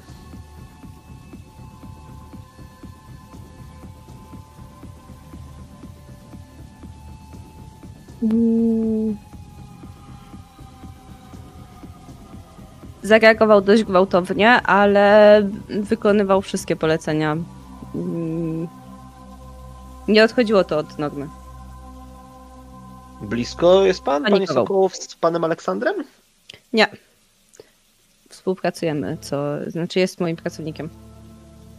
Co jakiś czas y, przenosi dla mnie dodatkowe rzeczy, jeżeli mam paczki do przewiezienia, bardziej prywatnie. Przenosi paczki prywatnie, czy ja dobrze rozumiem? A czy drugi pan również panu pomagał? Również wykonywał przez jakiś czas pana polecenia? Tak, Razem je wykonywali? tak. Czy mogę wiedzieć, co to były za paczki? Y, różnie nie były związane z, z działalnością. To nie o tym było moje pytanie. Części, mechanizmy, broń. To była broń. Dla pana Skorpiona? Tak.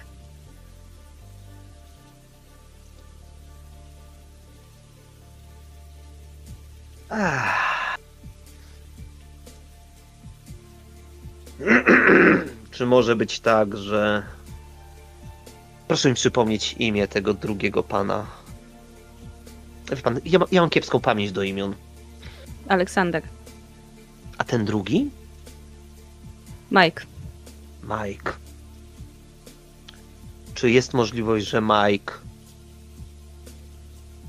zaczął mieć innego mocodawcę? Nie. Nie wydaje mi się.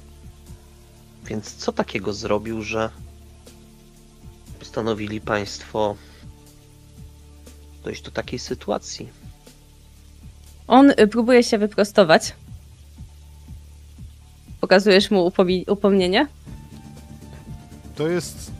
Generalnie on ma umysł na poziomie ewolucyjnym karasia srebrzystego, więc mógł zapomnieć.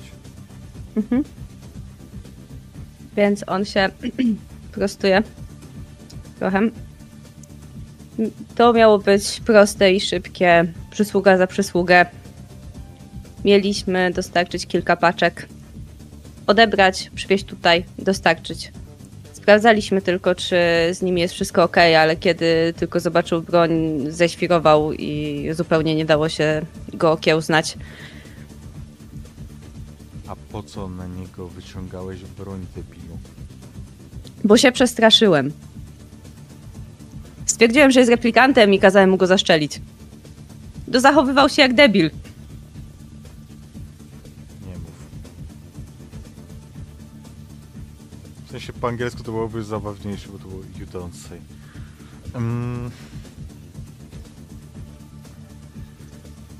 Ach, Panie Sokołow, I on, jak to mówisz, e, patrzy na swojego ojca. a ja patrzę na niego wprost. Gdzie odesłał Pan Aleksandra? Miał pozbyć się broni i zachowywać się, jakby zupełnie nic się nie stało. Miałem skasować te nagrania, ale zapomniałem o tym, bo się zestresowałem i ojciec na mnie krzyczał.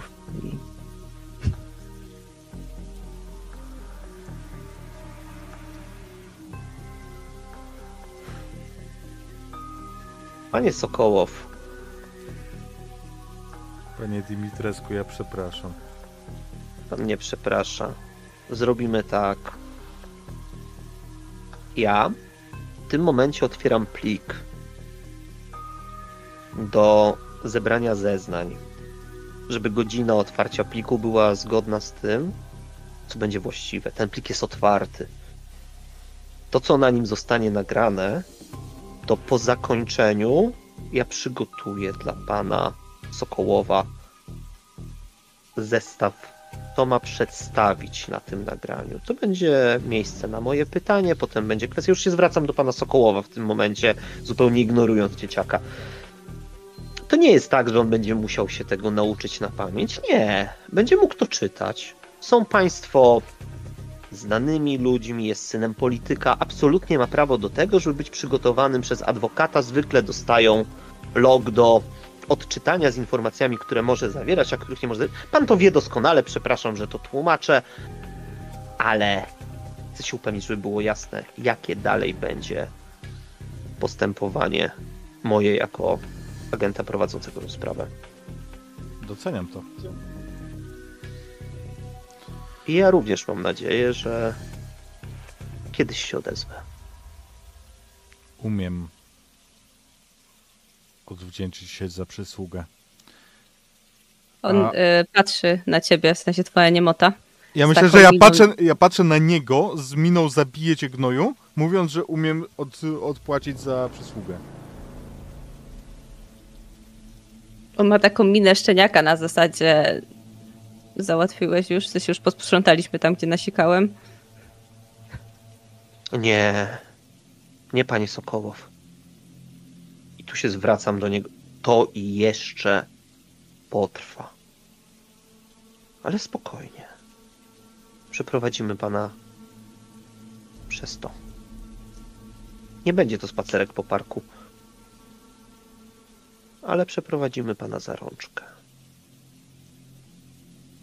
Dobrze. Ja wysyłam wiadomość do Cartera i do Bera, No i właśnie.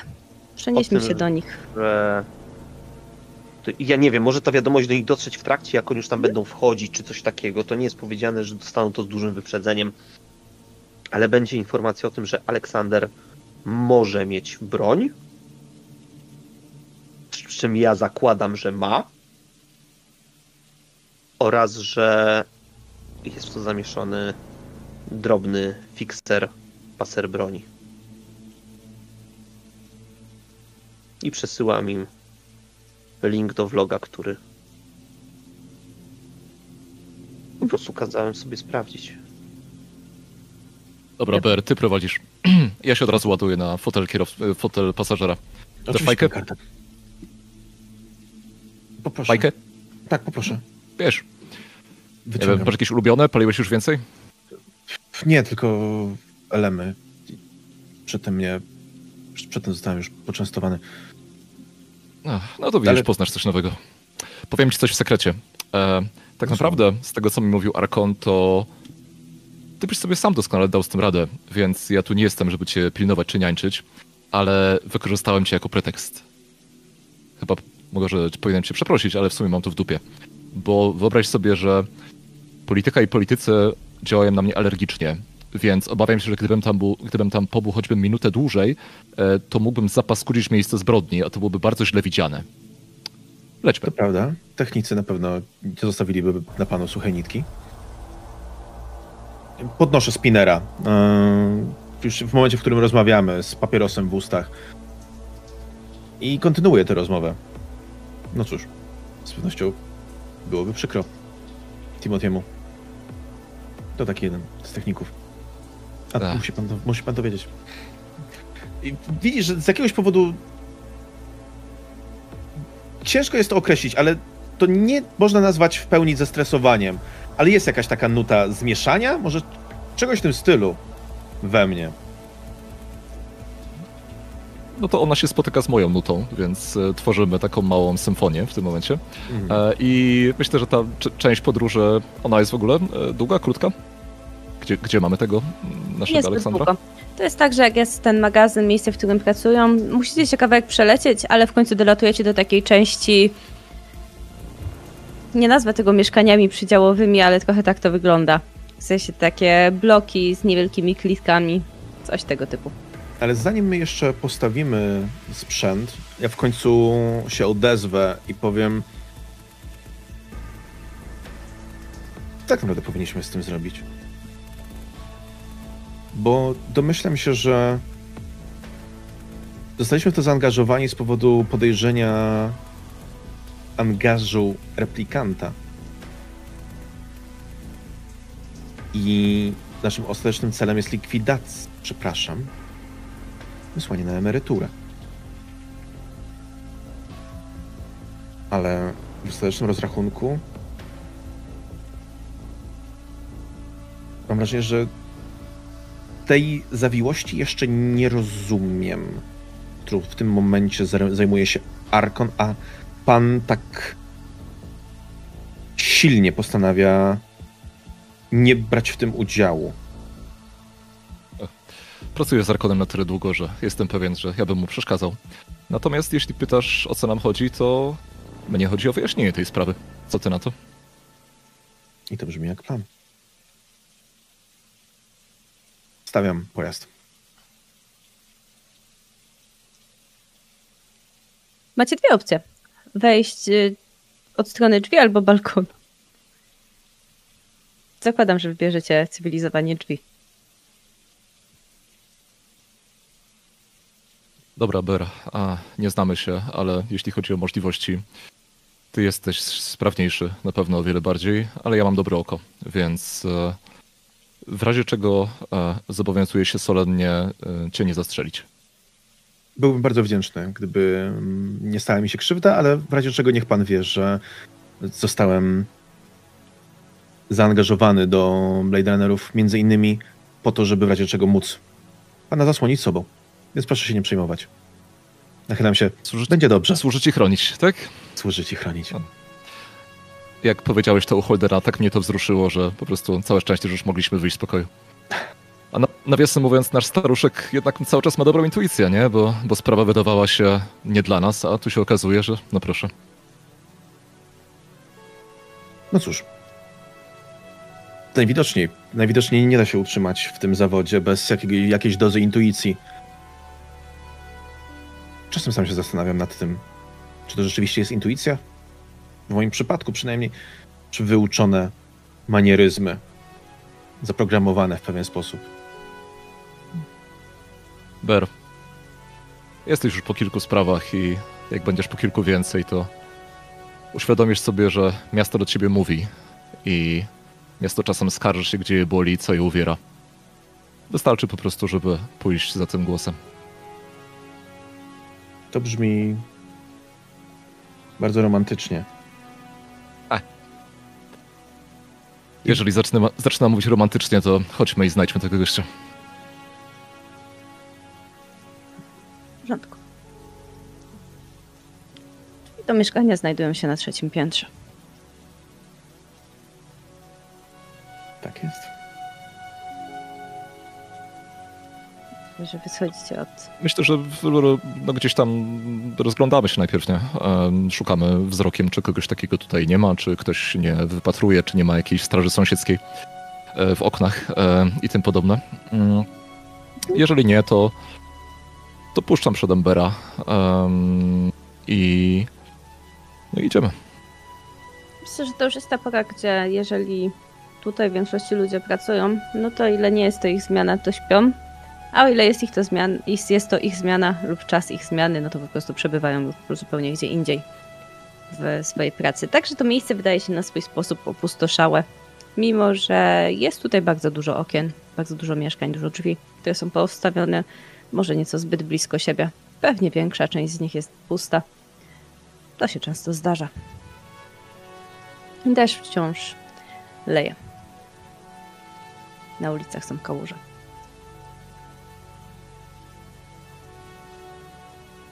Wyciągam, jak już jesteśmy w środku na klatce schodowej, wyciągam broń. A nie, nie paradując z nią jak cowboy, ale żeby mieć przygotowaną.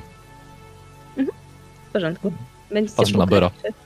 Ja, widząc, co robi Carter, również wyciągam broń, po czym odwracam się do ciebie a, i moje usta opuszcza, tylko mam nadzieję, że nie będzie opuszczał lokacji przez okno. By the book, By the book. Pukam do drzwi. Mhm. Panie Aleksandrze? Słyszysz poruszenie w środku. Panie Aleksandrze? Tak, już, moment. I jeszcze trochę poruszania się, trochę jakby ktoś paradował z jednej strony na drugą. Słyszycie, jak coś tam skrzypi podłoga i tego, tego typu rzeczy, szybkie kroki ciężkiej osoby, aż w końcu zbliżające się mocnym, szybkim tempem do drzwi, które po chwili słyszycie, jak są odkluczane z jednej, z drugiej, jednego, drugiego zamka. W końcu są pociągnięte impetem, z impetem do siebie. Stoi w nich mężczyzna. Wysoki. Wyrwany prawdopodobnie z, z jakiegoś zajęcia. LAPD, Spokojnie, chcielibyśmy porozmawiać. Możemy Kiwa do ze zrozumieniem. Proszę. I on uchyla wam, otwiera wam drzwi zapraszającym gestem. Widzicie, że to miejsce jest małe. Tam właściwie to jest taka klitka, gdzie jest. e, Wygląda trochę jak kawalerka. Miejsce z łóżkiem, małą kuchnią, prawdopodobnie drzwi do wychodka. Niewiele przestrzeni. Proszę. W, w momencie, jak my wchodzimy i on pewnie nas gdzieś prowadzi, ja chciałbym sobie wyobrazić tak naprawdę trasę, którą on wykonał, chodząc po tym mieszkaniu. Bo trochę z opisu wnioskuję, że on gdzieś się mógł jeszcze wybrać i cofnąć, i przechodząc, chciałbym kątem oka rozejrzeć się, gdzie, a potem będę zastanawiał się, dlaczego. W porządku. Intuicja? Mhm. Jeden sukces.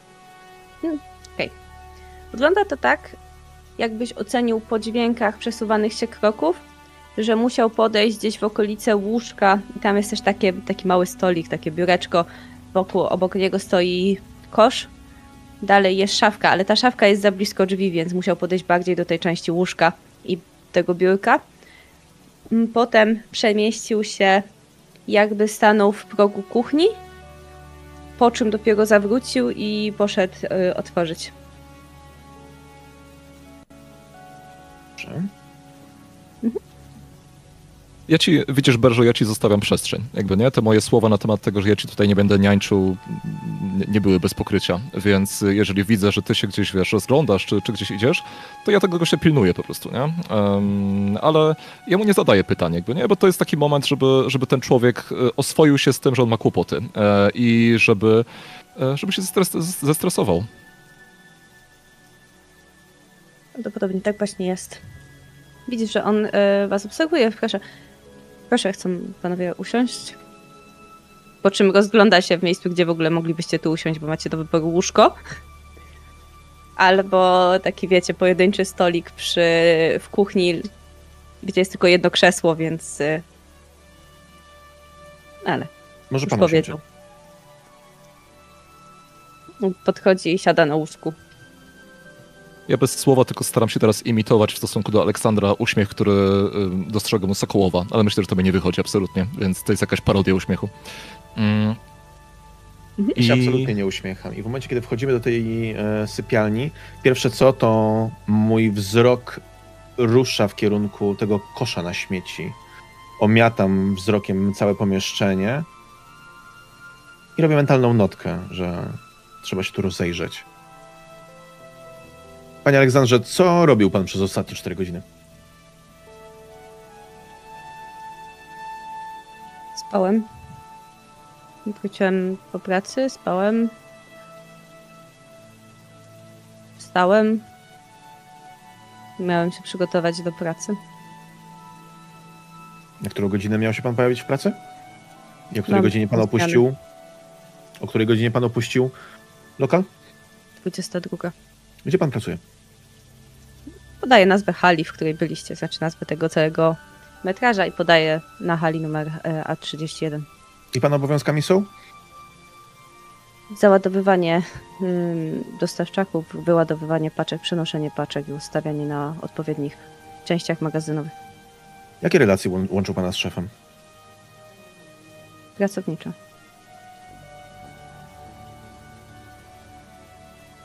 Jakie relacje łączą pana z Mike'em Stone'em? Widzisz, że on zaczyna mrugać parukrotnie i jest zestresowany w jakiś sposób. Jesteśmy współpracownikami, pracujemy na jednej hali. Jesteście, czy raczej byliście? Dlaczego pan tak pyta? Dlaczego pan tak mruga? Nie wiem, o co chodzi.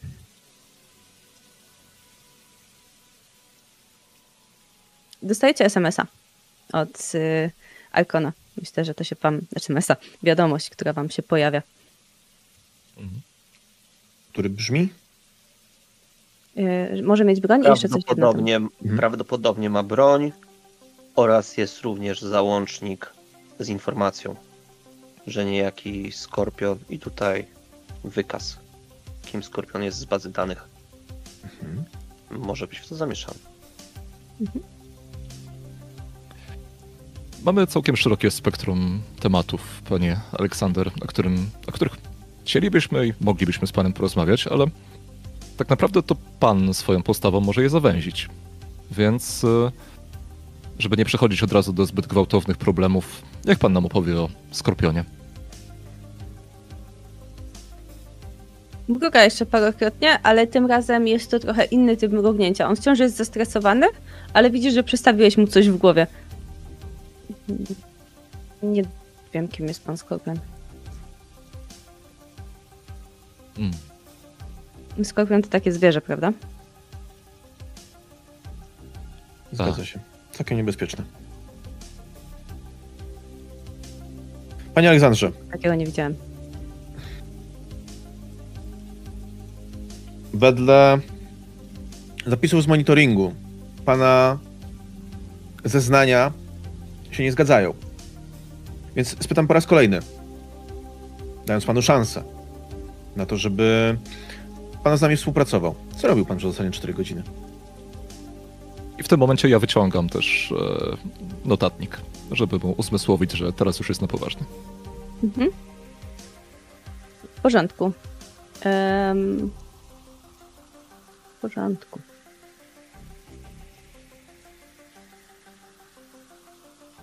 On waha się, opiera się bardziej na dłoniach, tak jakby coś z niego schodziło, więc obniża się mocno na tych kolanach. On jest wielki na tym łóżku.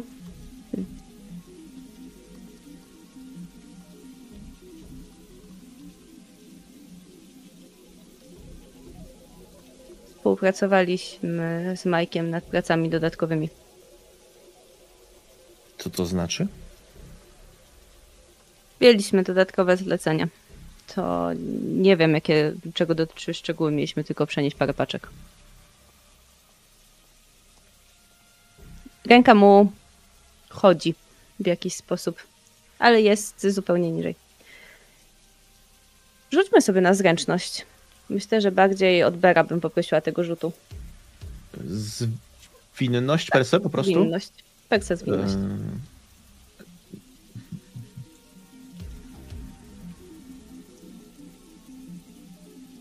Da się wykonać e, czysty rzut na zwinność, bo to, To na sprawność. O, na sprawność. Okej, dobra. to jest ten typ zwinności. Mhm. Good. Dwa, jeden sukces. W porządku. Więc ty zdążysz zareagować. Masz to jakby wyuczone ruchy. W momencie, kiedy on się obniżył i zaczął się stresować, oddechnął dwa razy i faktycznie odpowiedział, widzisz, że on sięga gwałtownie pod łóżko. Widząc jego sięgnięcie pod łóżko, ja będę chciał dopaść i kopnąć jego e, rękę tak, żeby nie był w stanie sięgnąć po cokolwiek sięga. W porządku, więc ty go wybijesz w elemencie tej trasy. Myślę, że to nawet spowoduje, że on spadnie z łóżka i rzuci się na ciebie. Oczywiście. Naturalnie. I teraz wielki człowiek, więc on cię pociągnie. Pytanie, co robi w tym czasie nasz karter? Co, ja wy- wyjąłem ten notatnik, natomiast to było na zasadzie, że ja nie miałem w dłoniach długopisu, tylko wciąż miałem w dłoniach broń, tylko trzymałem ją za notatnikiem. E, I e, w tym momencie, cóż, notatnika nie powinieneś tak podle traktować, no ale jednak go rzucam. E, Więc e, em, przełączam na tryb soniczny e, mojej, mój blaster. E, I em, cóż, ten gość jest wielki, więc myślę, że jest bardzo duża szansa, że ja go trafię. W porządku. Spróbuj. Myślę, że Berg mógłby ci jednocześnie ułatwiać i utrudniać sytuację, więc Ja myślę, że to jest taka scena, w której my się właśnie. em, on leży na ziemi, ja do niego dopadam, próbując docisnąć jego ręce, ale zaczynamy się siłować i dochodzi po prostu do kompletnego zwarcia, gdzie e, to raz jeden, raz drugi em, dominuje sytuację i trzeba wyczekać moment tak naprawdę. U, upewnijcie mnie proszę, tryb soniczny to jest D6? Yy, możesz sobie rzucić bardziej na broń palną, czy po prostu trafisz, bo mnie interesuje to, czy trafisz ze, ze swojej Mhm. zwinności. Okej. Raczej to nie będzie trudne, nie? Więc A jednak. E, nie, ale to jest, to jest Prosimy zdecydowanie... zachować spokój. Wszystko, co pan powie, może być użyte przeciwko panu. Porządku. Zdecydowanie moment, kiedy się będę forsował, bo myślę, że ja po prostu nie, jednak nie jestem w stanie wymierzyć e, w pierwszym momencie. E, nie mam czystego strzału e, i zawahałem się raz, zawahałem się drugi raz, ale za trzecim razem już tego nie zrobię. Czy ty nie chcesz trafić Bera? Czy to jest coś, co cię powstrzymuje? Tak, zdecydowanie. A jednak rozmawialiśmy wcześniej. A, jakoś tak. Może to jest intuicyjne, o dziwo bardziej niż intelektualne. Rozumiem. Bądź nie. Słuchaj, nie masz czystego strzału. Możesz trafić albo jednego, albo obu. Nie jesteś pewny. Może jesteś za stary. Może jestem za stary, więc e, Ber, nie, nie wiem, czy się spodziewałeś strzału, ale go nie słyszysz w takim razie. Um, I ja sobie. Ja się cofam o krok e, w tym momencie i patrzę, jaki jest rozwój sytuacji, bo może ty sobie po prostu poradzisz. To jest moment, w którym my się siłujemy gdzieś na boku. Uderzam go z e, czoła. Czy na coś sobie mam rzucić w, tym, w tej obecnej sytuacji? Na... Tak, bo będziemy się bić. Mhm. Hand to Co hand. twoją... Mhm. Myślę, że hand to hand. On będzie próbował cię, w momencie kiedy uda mu się tylko podnieść, będzie cię próbował ściągnąć w stronę okna, tak naprawdę. Ale myślę, że mu się to nie uda. Widzisz, że on miał taki zamiar, żeby cię wypchnąć po prostu z tego mieszkania przez okno. I myślę, że ten moment, w którym on chce mnie wypchnąć, to jest ten moment, jak ja wykorzystam ten jego pęd po to, żeby on sam wpadł w. żeby uwolnić się trochę i żeby on sam wpadł w ścianę i w tym momencie będę chciał do niego dopaść. Jeśli mi pozwolisz, no to już z wyciągniętą bronią wycelowaną w niego. Oczywiście. Myślę, że to jest e, moment, w którym on na chwilę się zawaha, no bo ma dwie bronie skierowane przy sobie. I podniesie trochę ręce. Dobrze. Zachować spokój. To była napaść na funkcjonariusza, panie Aleksander, i od tego momentu naprawdę ma pan przejebane. Ale proszę zachować spokój, jak mówi kolega.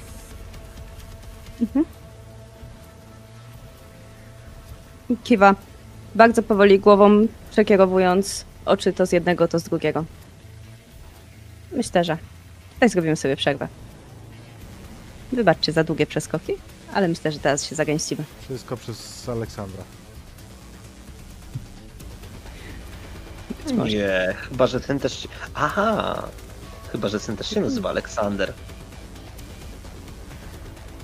Nigdy tak o nim nie myślałem. Dobra. To było całkiem Rob- zabawne. Idziemy na przerwę, drogi Tak czaty. On kiwa wam głową. Dobra, no skuwamy go teraz już, nie? Panie Carter, pro, proszę e, przytrzymać podejrzanego, a ja w tym momencie skuję go. Proszę współpracować. Szukam jakiegokolwiek porozumienia w twarzy em, podejrzanego, w twarzy Aleksandra, ale nie przejmuję się, czy to w tym znajdę, czy też nie. Podchodzę do niego od tyłu, wyciągam kajdanki i zaczynam go skuwać. Chcesz sobie sprawdzić jakąś empatią? Spełnić porozumienia, czy chcesz ją tak na... Nie, ja nie szukam nici porozumienia. E, zrobię to, co- co będzie trzeba. Jeśli ja. Mimo, że nie chcę do tego przyznać, to jest jeden z pierwszych momentów, kiedy autentycznie poczułem adrenalinę, poczułem zagrożenie. To jest dosyć naturalne mimo wszystko. Um, więc jeśli będę musiał się z kimkolwiek siłować dalej, to to po prostu zrobię. On Podejmuję w momencie, kiedy jest go. yy, przekłada te ręce za plecy i przesuwa się, no bo musi się przesunąć nieco bliżej. Ale ty zobaczysz w jego minie tą, tą myśl, że a może jednak oknem, nie? W sensie, a może jednak by wyskoczyć. Ma coś takiego w, w oczach. Ale widać, że nie jest pewny co do, co do swojej decyzji. staję za nim i zaczynam go oklepywać po kieszeniach, po spodniach, po załamaniach ubrania, w poszukiwaniu czegokolwiek, co może być niebezpieczne. Ja nie jestem w tym delikatny. Niebezpiecznego nic, dokumenty. Wyciągam dokumenty. Jestem. Imię, nazwisko, data urodzenia, takie tam. Ja się schylam tak, żeby mieć e, głowę na wysokości jego wzroku, mm, ale nie na tyle blisko, żeby mnie walnął z byka, w razie czego. Jestem jednak starym gliną, więc e, biorę poprawkę na takie rzeczy. I e, do niego. Drogi przyjacielu, sytuacja wygląda tak, że jakbyś chciał uciekać, to cię zastrzelimy i dostaniemy za to premię. Więc tak czy inaczej to dla nas sytuacja win-win. Natomiast e, dokładnie w tej chwili, jako że jesteśmy w kontakcie i to wskazuje na moją kiję z naszymi partnerami, przesłuchiwany jest też twój współpracownik. I jak się może domyślasz, ale jeżeli nie, to ci uświadomię, ten z was, który wyśpiewa wszystko wcześniej, ten będzie w dużo lepszej sytuacji. W moich oczach e, są jakieś iskry inteligencji, więc przetraw to sobie przez kilka sekund, a potem podejmij mądrą decyzję.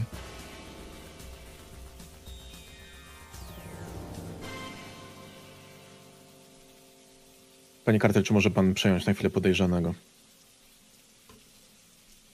Robię to. Dziękuję. Wstaję, otrzepuję się, poprawiam płaszcz, po czym podchodzę do kosza na śmieci. Kartek, rzuć Tego. sobie na manipulację. Okej, a y, Kartek, ty sobie po prostu otworzysz kosz na śmieci. Są tam różnego rodzaju śmieci, ale nie ma tam to, czego szukasz. Ponieważ, ponieważ przed, chwi- przed chwilą, e, nie, nie wiem czy Ber to zarejestrował, natomiast e, jednak moja słabość była widoczna, więc ja już teraz nie chcę sobie pozwolić na słabość i e, ja bardzo chcę, żeby ten człowiek mnie posłuchał. A w związku z tym będę forsował. Mhm. No nie wierzę. To nie jest twój dzień, Kartek. Ewidentnie. Więc widzisz jakąś zaciętość w jego oczach i on po krótkim wahaniu postanawia, że nie będzie współpracował, w sensie nie będzie nic mówił. Milczy i raczej wyczekuje chwili, kiedy będzie mógł się zerwać. Kosz jest pusty. Jeśli kosz jest pusty, to ruszam w kierunku łóżka, w kierunku miejsca, z którego miała być wyciągnięta na mnie prawdopodobnie broń. Moja ręka Właśnie. idzie za ruchem, który doprowadził do tej całej szarpaniny. I faktycznie znajdujesz tam, wymacujesz tam zawiniątko. Wciśnięta w koszulkę broń. Bez dotykania broni odwijam koszulkę. Palne. Śmiem się, do, śmiem się domyślać, że pozwolenia w dokumentacji, a nie w biurku nie znajdę. Powiada ci tylko milczenie. Tak myślałem. Czy jest jeszcze coś, co chciałby nam pan powiedzieć, zanim zostanie pan wyprowadzony do pojazdu policyjnego? Nie.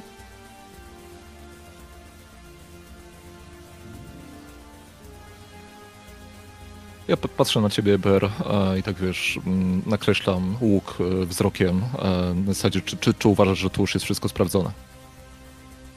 I ja odczytuję ten twój, e, ten twój gest i odpowiadam, potrzebuję jeszcze chwili. Coś mi tu nie pasuje, bo to wszystko się w jakiś mi sposób nie skleja.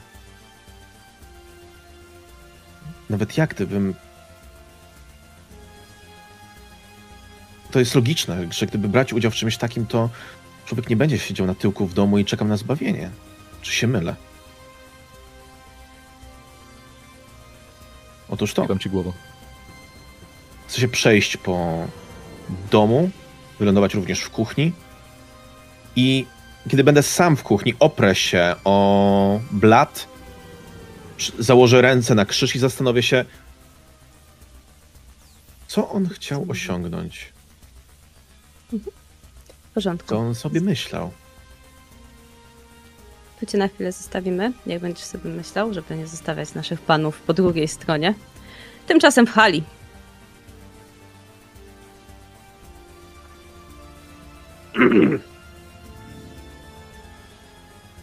Co myślę, że gówniarza to my już odesłaliśmy y, spakowanego Do do, kręży- domu.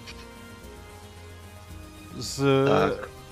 z Niech informacją, z informacją, że jak co 30 minut się nie zamelduje, że jest w domu i nie będzie to zgodne z prawdą, to to podniosę palec w ten sposób, a on wie co to znaczy.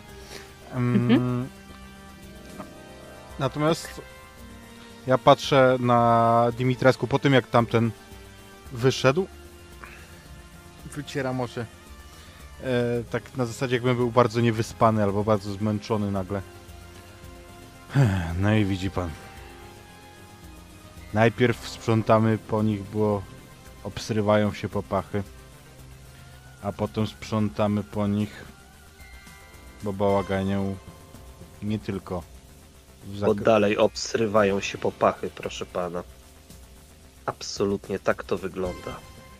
Chociaż z drugiej strony, jeżeli wolno mi być cynicznym, mamy, Wykonuje gest, który absolutnie tak. mamy zabójcę, a być może nawet takiego, który faktycznie zabił w obronie własnej. Żaden z, z zainteresowanych nie jest Sokolowem. Myślę, że absolutnie. Dobrze by było, żeby okazał się winny. Ale nic nie sugeruję. Wie pan, jeszcze lepiej by było, gdyby na przykład. Ha. Nie, to by było straszne. Gdyby Gdyby- dokonał czegoś, co by sprawiło, że zagroził funkcjonariuszowi na służbie. Panie Dimitrescu, to miałem na myśli. Gdyby był winny i na przykład spróbował uciec z tak doświadczonym policjantem. Nie, nie, ucieczka to za mało. Nie jestem obeznany w tych tematach. Cieszę się natomiast, że mówimy podobnym językiem. Wie pan, ostatnimi czasy politycy troszkę nam zaczęli wiązać ręce. Ilość dokumentów, którą wymagałoby wypełnić po takiej zwykłej sytuacji ucieczka i w czasie ucieczki za mało, za mało, za mało. Musimy mieć twarde dowody. Mamy po prostu za dużo druczków, które trzeba wypełnić. Dowody są do załatwienia. A w kwestii. Czas, żeby też coś przy tych prawach pozmieniać. w kwestii waszej reprezentacji we władzach, e, oczywiście, że podejmę się tego, żeby poprawić wasz los. Nie może tak być, że najdzielniejsi policjanci miasta zastanawiają się, czy nie zostaną podciągnięci do odpowiedzialności, jeżeli będą bronić swojego bezpieczeństwa, prawda? Swojego albo obywateli. Obywateli, zdecydowanie tak. A jeszcze gorzej, kiedy na przykład musieliby wypełniać tony dokumentów, zamiast zajmować się tym, co jest faktycznie słuszne. Jak to powiedział mój młodszy kolega, byśmy faktycznie mogli służyć i bronić. Takie jest wasze powołanie. I tu posyłam ci uśmiech. Dokładnie ten, nie ten taki swojski, który, który pokazywałem wam już, bo rozmawiałem z wami normalnie, tylko ten, który uśmiecha się z holoplakatów przed wyborami. Dokładnie ten. Ten promienny, ciepły i budzący zaufanie idiotów. A mnie ten uśmiech trochę przeraża. Jak każdy uśmiech polityka. Czy teraz powinniśmy dołączyć do pańskich kolegów? Czy będziemy pracować Myślę, dalej tutaj? tak. Myślę, że tak. Tu sytuacja jest czysta. Ja robię jeszcze tylko dwie rzeczy. Pierwsza. Nagranie jest spójne z tym, co się wydarzyło. Myślę, że kiedy znajdziemy broń, najświeższe odciski nie będą należały do pana syna. Ale musimy się jeszcze tutaj upewnić jednej rzeczy. I proszę się od niego dowiedzieć, czy przypadkiem nie zostawił tu czegoś jeszcze ze swojej prywatnej działalności. Ja myślę, że to tak bez odgrywania, że ja się tego dowiem. Oczywiście Tak. nie, nie na zasadzie, że wyślę mu SMS-a z pytaniem, żeby mi odpowiedział, tylko jednak e, uda mi się to przygotować w ten sposób, żebym mógł zapytać, nie musząc go widzieć, a równocześnie bezpiecznym kanałem to zrobić. Em, natomiast no, myślę, że nie potrzebujemy tej, tej sceny odgrywać. No, po prostu czy, czyścimy okolice Si. i już. Zdecydowanie. Dobra. Czy przypadkiem się nie okazało, że nagle ktoś zacznie węszyć przy pana interesach. To by się nikomu z nas nie opłaciło. Było niefortunnie.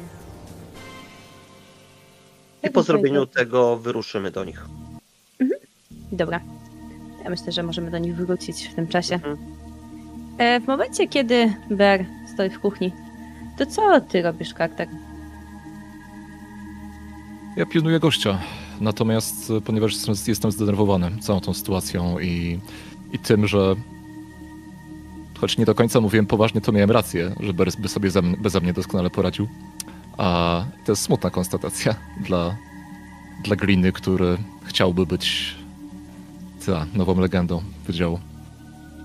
I więc myślę, że ten stres wyładowuje na tym, na nim, na tym naszym podejrzanym i ja go po prostu dociskam zdecydowanie za mocno. A tłumacząc sobie pewnie to, że żeby nie uciekł, tak, no bo, bo przecież na pewno ma ochotę. Mm. I to w sumie dla jego dobra, bo przecież nie chciałbym go zastrzelić.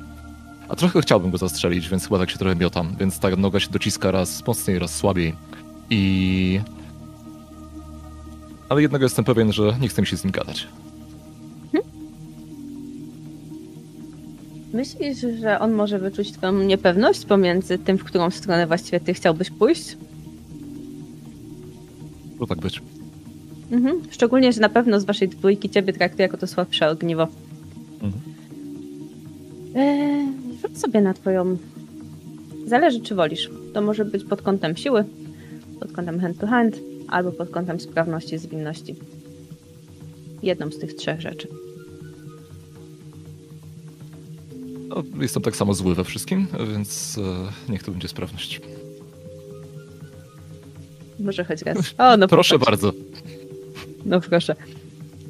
Więc on podejmie próbę w momencie, kiedy twój towarzysz poszedł do kuchni, kiedy zostaliście na chwilę sami i wyczuł, jak twoja noga lekko ustępuje i zmniejszasz ciężar, to poczujesz pod sobą, jak on się napina i będzie próbował cię wywrócić. Jak zareagujesz i dlaczego mu się nie uda? Ja, ja mam w sobie e, ciężar związany nie tylko z tym dzisiejszym dniem, ale związany z moimi trzema ostatnimi latami, więc myślę, że ten ciężar po prostu na niego spada w tym momencie. E, I e, myślę, że Ber słyszysz, jak e, tam człowiek jest bity, ale szybko upewniam cię, że to nie ja jestem bity, tylko ja biję. I żebyś się tym nie przejmował. Więc e, ja tego człowieka doprowadzę do, do stanu, w którym on już nie będzie chciał uciekać. Nie będzie mógł uciekać. Rozumiem. Słyszysz porządku. tylko... Dobrze, panie Carter, dobrze. Ja tylko mocniej przyłożę dłonie do uszu, próbując się skupić, próbując połączyć rzeczy, które widzę tutaj. Widzisz, w momencie, kiedy stoisz w progu tej małej kuchni, to tam jest jeszcze jedno okno takie idące z takim zejściem na dole. W sensie mógł stanąć w kuchni i stwierdzić, że będzie uciekał, ale z jakiegoś powodu zawrócił i nie skorzystał z drogi tej okna z tą drogą pożarową na dół. Możliwe, że tak właśnie było. Okno jest otwarte. W Chcę kuchni wyjrzeć jest przez bardzo nie. niewiele rzeczy. W porządku. Widzisz, jest- jak część rzeczy jest rozrzucona po, po tych na dole. Może jakiś materiał zatrzymał się na schodach, ale ewidentnie jest to zwitka rzeczy, jakaś torba, jakieś rozwalone elementy, które zostały przez to okno wyrzucone.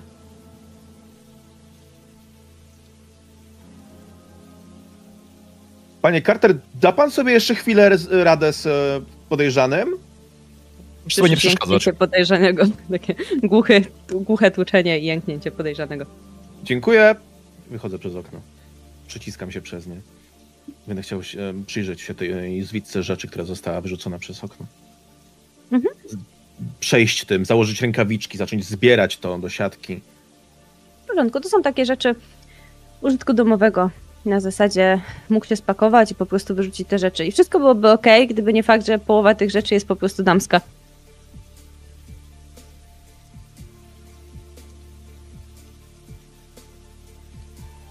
Takiej spakował dwie osoby. Mhm. Zbieram te rzeczy, ewidentnie. Ym, Schodzę na sam dół te, tych schodów pożarowych i wszystko, co pasuje mi mniej więcej krojem, rozmiarem, to zbieram. Ale pojawia mi się w głowie jedna myśl.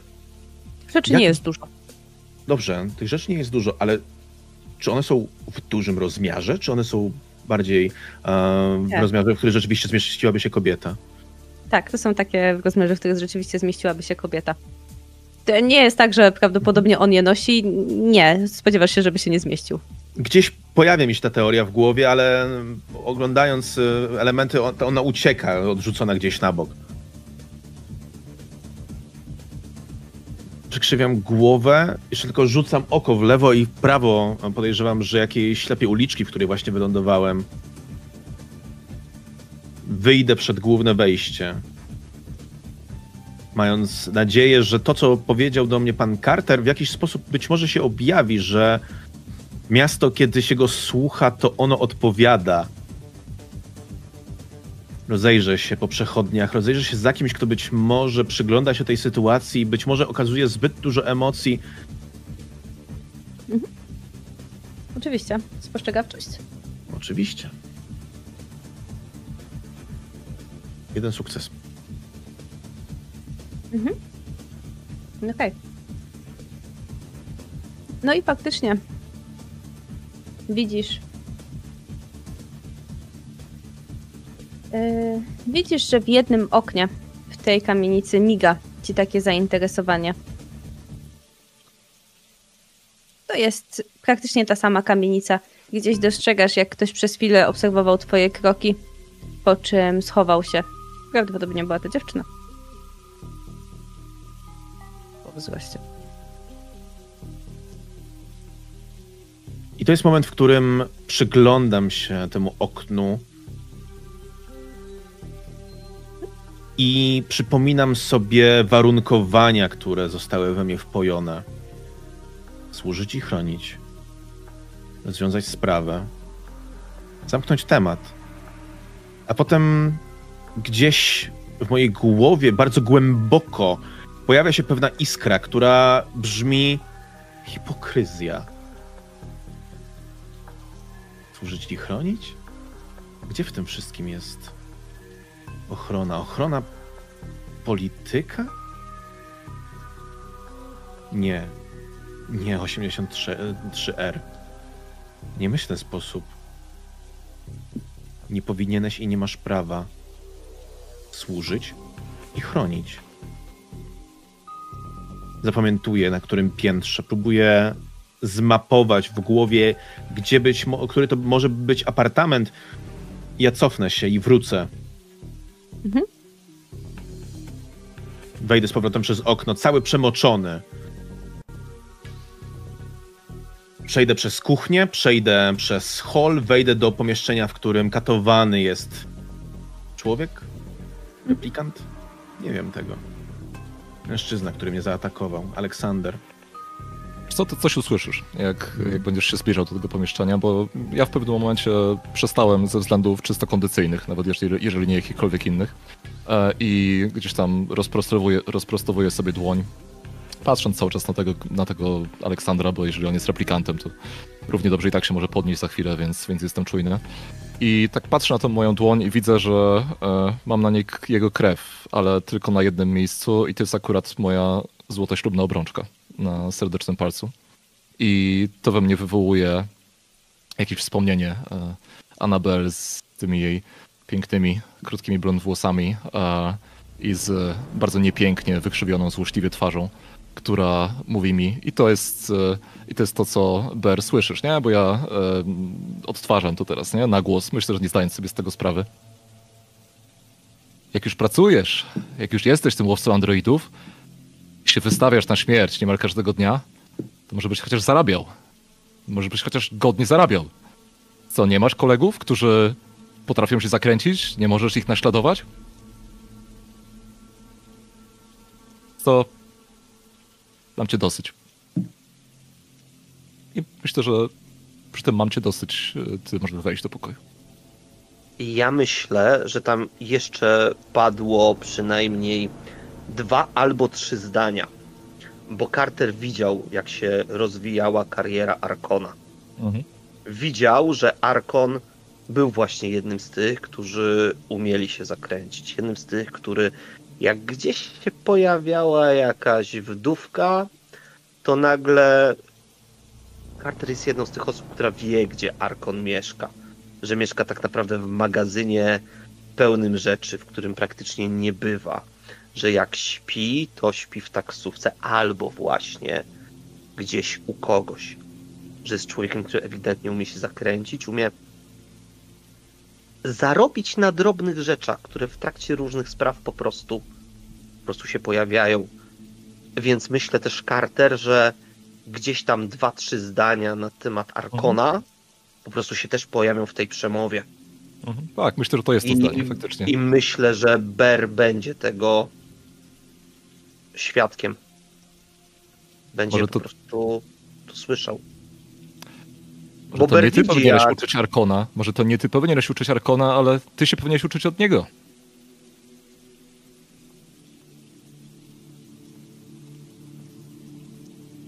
Nie Carter?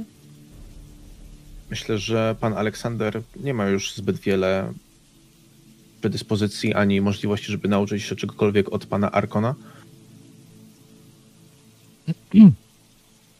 Co, co tam na dole?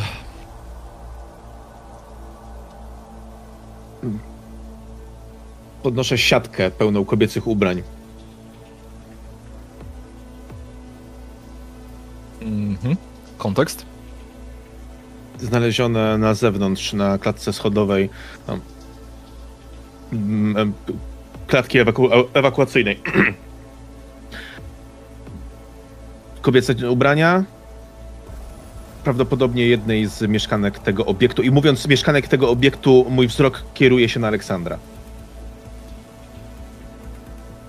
Myślę, że widzisz, jak jego twarz y, jest skierowana na bok. Mm, W tym momencie przekręca ją do ziemi i po prostu opiera czoło. Myślę, że to jest dobry moment, żeby pozostała dwójka. Dotarła na miejsce. Ja nie wiem, czy pan Sokołow kiedyś widział, jak wygląda maszyna Wojta Kamfera. Że Arkon idzie z takim dużym, ciężkim neseserem, Ja, jakby z poprzedniej epoki. ja myślę, że ja widziałem liczne faktury za takie maszyny. To oczywiście, że zakupy, sprzedaż, wymianę, modernizację, wszystko to jest sprawa polityczna. Ale na pewno nie, nie miałem do czynienia z nią tak bezpośrednio. Mhm. Możemy to zrobić dosłownie na miejscu.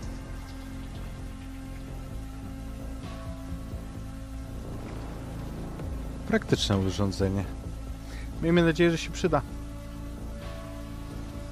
Jak reagujecie, kiedy wejdziecie do tego pomieszczenia i zastaniecie hm, podejrzanego i pozostałych? Arkon, ja ci podpowiem, że jak na mnie, jak na mnie spojrzysz, to, to ty widzisz, że nie jest okej. Jest bardzo daleko od okej. Mhm. Ber, Pani... Tak, słucham? przejmij proszę podejrzanego od pana Cartera. Oczywiście. E, Panie Carter, czy mógłbym Wyjdziesz prosić... na papierosa, Carter, na chwilę? Dobrze. Widzę, że już przeprowadziłeś wstępne działania przed analizą.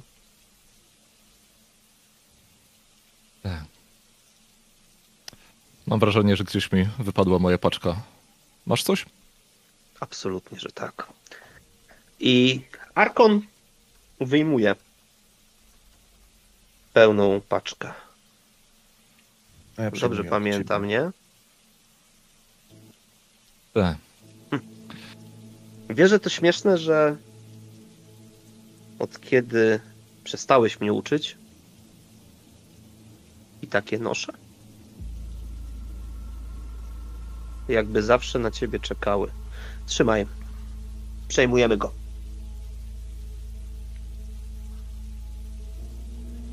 ty chcesz ze mną, i, ze mną pójść na tą fajkę, czy y, chcesz mnie tam Nie, wypuścić nie, samego? nie, ciebie Mhm. wypuszczam. Ciebie Okej. wypuszczam. Ja Ja się widzę nie- nie- właśnie, że nie będę się wychodzisz sam. Ja też tylko, panie Carter, śmiem podejrzewać, że osoba, o której rozmawialiśmy, może znajdować się na w tym budynku, na tym na piętrze i tu podaję piętro, z którego widziałem mniej więcej błyszczące światła. Może warto by pójść za tym tropem. Widzisz już na korytarzu tylko ten ogień zapalonego papierosa i kiwnięcie głową. Dziękuję. Panie Dimitrescu, panie Sokołow, będziemy przeprowadzać, rozumiem, test. Tak. Posadź go, proszę. Łapię mężczyznę, bez cyrtolenia się z nim. Łapię za ramiona i pcham go w kierunku łóżka. Tak, bo to jest jedyne miejsce, w którym tak naprawdę jesteśmy w stanie go posadzić w tym momencie. Tak. Stawiam go siłą, po czym sięgam po biurko nocne, żeby Arkon miał gdzie rozstawić narzędzie. Ja się On nie w protestuje. sposób nie śpieszę. To przypomina trochę prezentowanie narzędzi tortur przed osobą, zanim będzie przesłuchiwana. Z bardzo, bardzo odległych czasów. Prezentuję po kolei rzeczy, opowiadam o nich, tłumaczę. Za pomocą tego skanera będzie obserwowana pana siatkówka. Ten sensor będzie badał działania pana oddechu. Za pomocą tych diod przypiętych do pana lewej ręki będę analizował tętno. Proszę na spokojnie odpowiadać na moje pytania.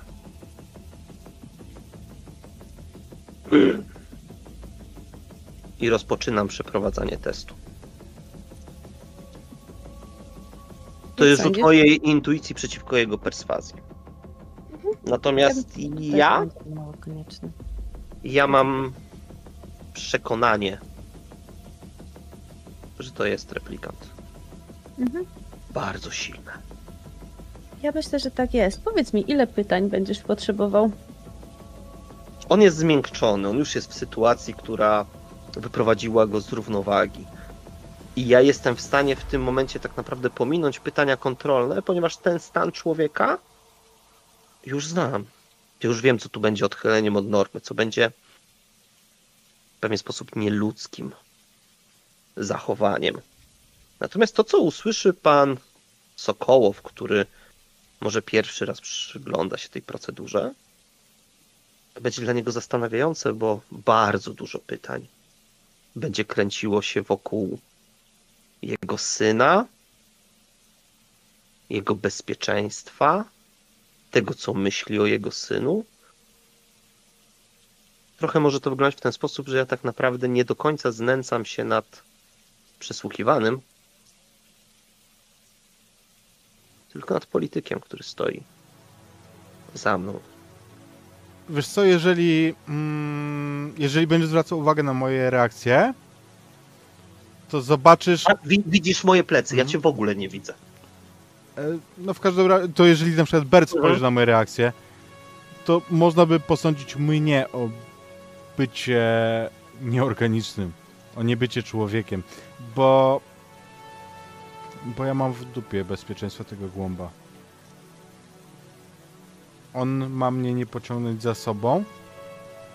On ma nie obryzgać mnie. Kiedy coś spieprzy, to nie ma mnie za sobą pociągnąć. Natomiast ja już dawno straciłem nadzieję na to, że on jakkolwiek będzie kontynuował to, co ja zacząłem budować. Że on jakkolwiek będzie przyszłością, że. No spójrzcie do niego tylko. Przez moją myśl przejdzie, przez moją głowę przejdzie myśl, która skomentuje tak naprawdę to, co widzę na twojej twarzy i tą kompletną obojętność. To to, że pan Sokołow wręcz profilowy sposób, w jaki odróżniane były Nexusy 6 od ludzi. Hm. Empatia. Albo jej brak, albo udawana. Opra się o ścianę, składając ręce na klatce piersiowej, obserwując, co robi Archon. Powiedz mi, jest ci żal tego gościa? Bo ty wiesz, jak się to skończy, nie? W sumie wiedziałeś. Nie jest mi żal. Absolutnie. Nie tak zostałem zwarunkowany. My służymy temu, żeby łapać tych, którzy podszywają się pod ludzi, którzy wykonują rzeczy, które zagrażają ludziom. A tu właśnie mamy taką jednostkę, która być może została wykorzystana przez człowieka. I to jest moment, w którym w mojej głowie, kiedy sam siebie próbowałem utwierdzać w tym, że mi wcale nie jest żal, w mojej głowie objawia się jakaś myśl, która mówi: Czy to na pewno tak powinno być? Nie podoba mi się ta cała sytuacja. Było to o wiele prostsze, kiedy z Archonem zajmowaliśmy się sprawami bardziej przyziemnymi, afektami. A tutaj wszystko jest zbyt skomplikowane, jakby brakowało mi jakiejś informacji, jakby coś tutaj było brudne. Jest jeszcze jedna rzecz. Ber, ty wiesz doskonale, że to urządzenie nie ma żadnych diod mierzących tętno. Nie ma żadnego działania badania reakcji skórno-galwanicznych. To jest rzecz, którą Arkon, ale nie wiem, czy ty widziałeś mnie w używaniu, bo do tej pory nasze sprawy faktycznie były czyste. Myślę, że to jest pierwszy Były raz, jak wyciągamy maszynę. Mhm. że jest wyciągnięta maszyna Arkona. I widzi, że są rzeczy, które on chyba zmodyfikował albo dał komuś do zmodyfikowania. Całość jest taka tylko z jednego prostego powodu. Bo za chwilę delikwent, który siedzi przede mną, zostanie kopnięty bardzo silnym ładunkiem elektrycznym. Takim, który spowoduje, że impuls przejdzie przez jego lewe ramię, trafi do serca i prawie zawsze element jest identyczny. Delikwent wyskakuje trochę do przodu i do góry, tak jakby chciał mnie zaatakować. I teraz jest tylko pytanie, bo ja wiem, co się wydarzy. I jestem ciekaw, czy strzelę ja, czy strzeli Ber. Ale to jest pytanie, które ja absolutnie Ber zostawiam tobie do decyzji. Ja wam ją zostawię jeszcze na chwilkę, bo jesteśmy chwilę przed tym impulsem. Tymczasem na korytarzu. E, wyszedłeś na fajkę. Planujesz kierować się na górę? Tak, natomiast e, co jakoś koresponduje z tym impulsem, który za chwilę dotrwa, to, to ja po pokonaniu kilku schodów e, czuję jakiś ból w okolicach mostka. I muszę zwolnić. Oczywiście robię najgłupszą rzecz na świecie, to znaczy wypalam jeszcze szybciej tą fajkę, czym zapalam kolejną. A, i... Ale ten ból jakoś przechodzi. I to chyba nie był pierwszy raz. Więc e, tak, idę na, idę na górę. Mm. Idę na górę gdzieś tam się zastanawiając nad różnymi rzeczami, ale to jest chyba bardziej taki strumień myśli, który, który gdzieś przechodzi. A widzę, że, że gdzieś tutaj leży gazeta, którą czytuję, a dzisiaj akurat jej nie kupiłem, czyli Independent Sentinel, więc zgarniam ją pod, pod płaszcz. A tak z takiego zupełnego druchu. I myślę, że wchodzę na to następne piętro jakby w takiej zupełnie niegliniarskiej em, po, pozie, tak, czy postawie. E, w sensie dopiero jak wejdę, to, to gdzieś tam tak jakby coś mi pstryknęło i zacznę się rozglądać, czy, czy ktoś tu jest faktycznie. Zanim wejdziesz jeszcze, tak naprawdę masz do pokonania dwa piętra, to są wysokie dość bloki. E, zanim wejdziesz na piętro właściwe, no to usłyszysz kroki z góry. Pośpieszne. No to to mnie wybudzi w takim razie z e, tej melancholii, czy jakkolwiek nazwać to uczucie. E, no patrzę w takim razie, kto kroczy. I dostrzegasz kobietę, która schodzi po schodach takim dość szybkim krokiem, ale dość pewnym siebie. Ma przerzuconą torbę, wygląda jakby szła do pracy. Proszę poczekać, tam sytuacja niżej może być niebezpieczna. Nie chciałbym, żeby coś się pani stało. Carter, policja. Tak, przygląda ci się, kiwa głową. I zatrzymuje się, zgodnie z poleceniem. Na wszelki wypadek e, muszę panią prosić o podanie danych identyfikacyjnych. Mm, oczywiście. I ona sięga do torebki i wyciąga dokumenty z torebki. Podaje ci je. Oglądam. Jest. Anna. Anna Mac... McMur. O. A dość proste nazwisko.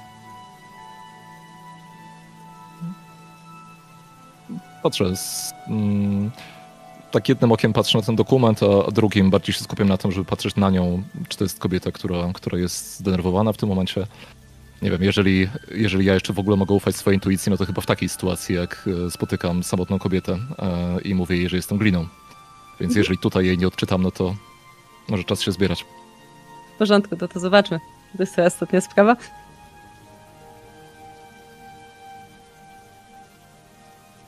E, intuicja?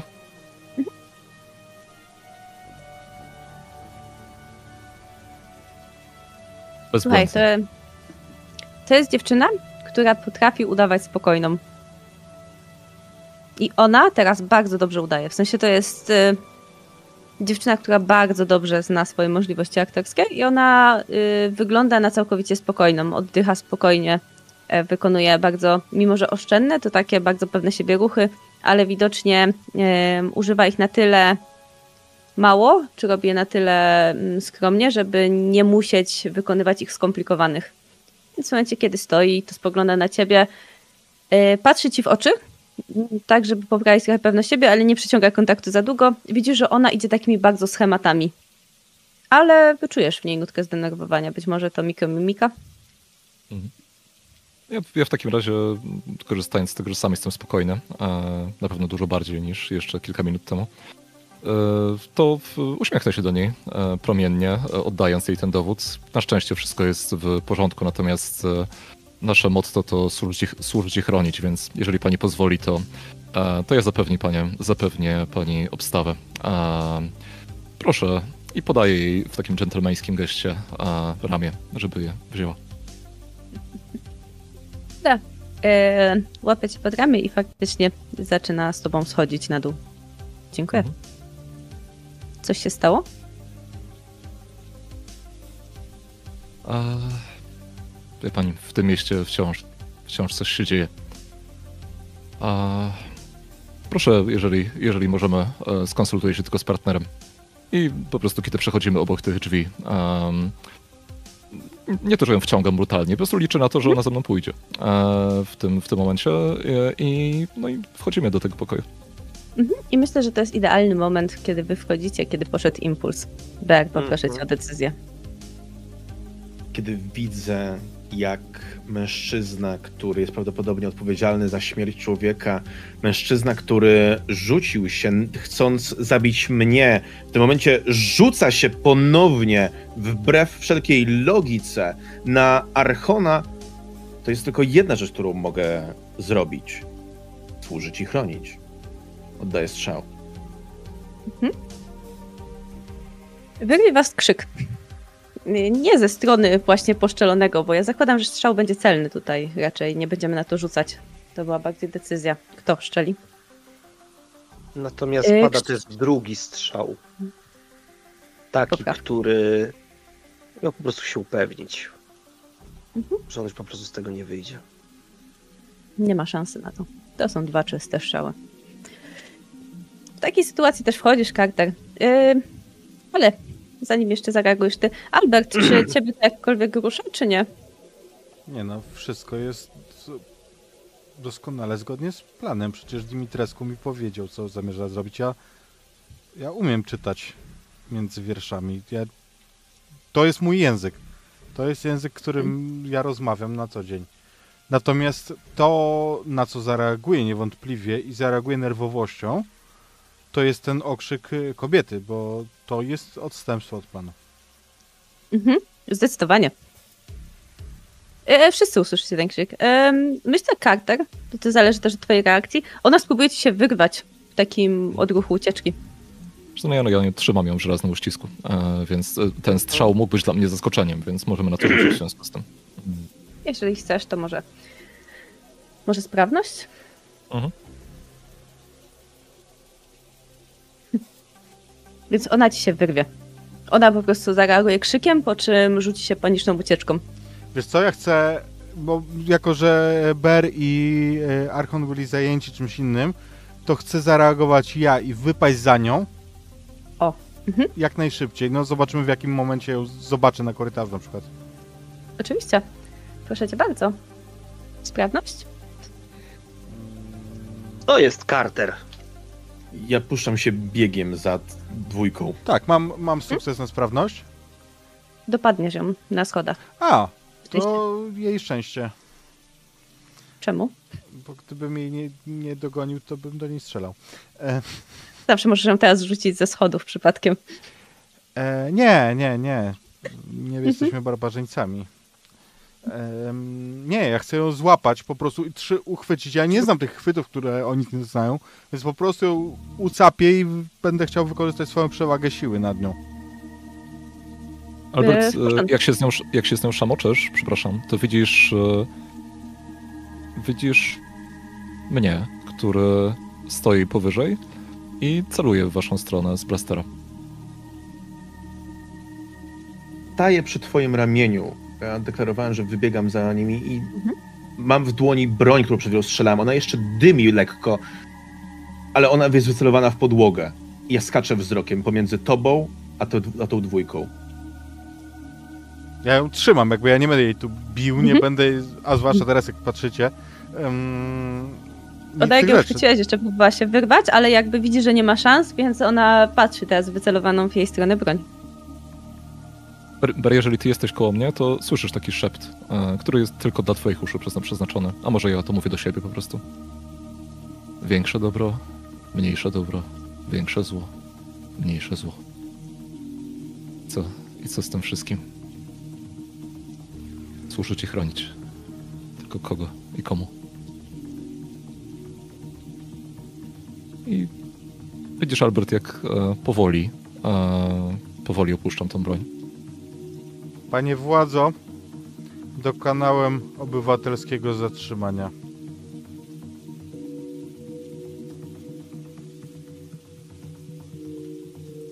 Ale za co? Nie zatrzymanie się do kontroli. Ja patrzę na nich, jakby oczekuję, że któryś coś zrobi, ale na razie I, trzymam. słyszy, I słyszycie z framugi takie ucieczka w trakcie kontroli. Ona skacze po was oczami. Jest przestraszona. Przewinienie A52. Pozwolę sobie przejąć e, tutaj podejrzaną. Podchodzę do ciebie i e, kładę ręce na ramionach kobiety. Czy przesłuchanie nastąpi w e, lokalu, czy zaprowadzić panią do spinera? Do spinera. Do, spinera. spinera. Ber. Dobrze. Tak, tutaj muszę wezwać techników. Timmy nie będzie szczęśliwy. Tak chciał wrócić do domu wcześniej. Mi zazwyczaj nie jest szczęśliwy, Markonie. Zaczynam. Jeszcze omiatam wzrokiem całą sytuację i myślę, że wydaje mi się, że to jest pierwszy raz, jak podnoszę wzrok na ciebie, Carterze. I przez chwilę utrzymuję ten wzrok zielonych oczu, po czym kiwam w swoim kierunku głową bardzo delikatnie. Po czym biorę azymut na dół schodów i zaczynam prowadzić kobietę w kierunku spinera. Ona naturalnie idzie. Ja się wracam do mieszkania. Zabezpieczam je, wzywam techników. Czysta Wzywam sprawa. też, wzywam też techników. Oj, bardzo czysto. I wracam również z poinformowaniem, że magazyn jest do zabezpieczenia. Panie Sokołow, obawiam się, że ten magazyn będzie nieczynny przez jakiś czas, zanim skończymy pracę. Spokojnie. Ale z tego co rozumiem, yy, Carter, tu była broń, z której zabito tego nieszczęśnika w Tak, magazynie. Barry ją znalazł. I to była jedna z wielu, a tak naprawdę wszystkich profesjonal, profesjonalnych akcji, których, które tu przeprowadził. Możesz być dumny. Przyznasz, że świetny narybek. Doskonale. Oczywiście rozumiem, że magazyn nie będzie mógł na siebie zarabiać, ale też Nie, znalezienie miejsca na wakującą pozycję menedżera chwilę mi zajmie. E, oczywiście nagrania z monitoringu, wszystkie, które się zachowały po tej awarii, e, są do waszej dyspozycji. Koniecznie, proszę pana. Tak. Są dowodem rzeczowym. Oczywiście. Przekażemy je. Niezwłocznie. Dziękuję za współpracę. Tacy obywatele to skarb. I znowu myślę, że tutaj e, Carter i Barry zobaczą ten obrzydliwy Bera polityczny uśmiech. Bera nie ma. I może A, lepiej. e, to prawda. No.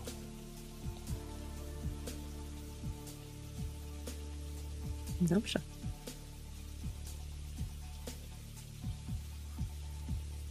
Co dalej? Wy będziecie się stąd zwijać? Wszyscy jednym transportem? Czy dwoma? Wydaje mi się, że dwoma, ze względu na to, że nie zmieścimy się. Mamy podejrzanego w spinerze. Ja zdaje się, panowie, że nie będę już potrzebny, prawda?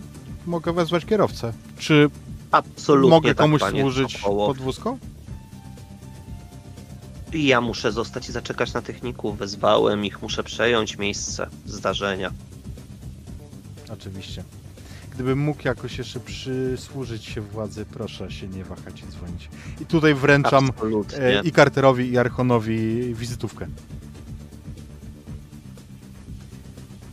A jeszcze z... Carter, y, jedź z Berem, bo ja nie wiem, czy wiesz. Pojadę, sam pojadę. z dziewczyną. To by było zbyt niezgodne z procedurami jeszcze. Mogłaby... Nie no skąd? Młody chłopak, jeszcze go hormony poniosą. Bardziej się martwię, żeby ona go o coś nie oskarżyła. Aj, Arkon. Jak wielu ludzi wysypało się na takich prostych rzeczach, czyż nie?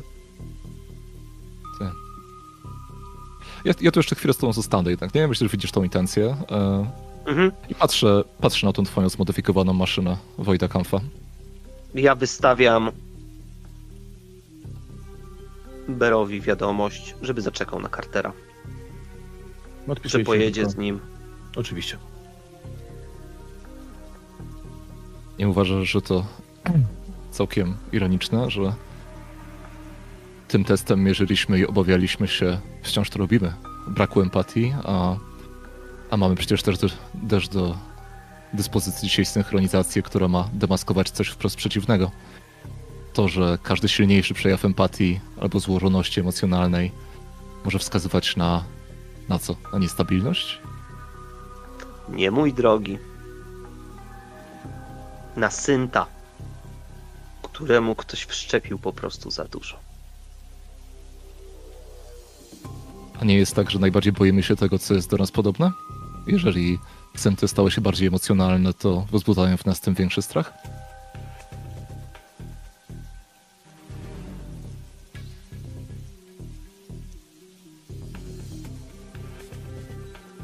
Wiesz co? Zwróć uwagę, że seria dziewiąta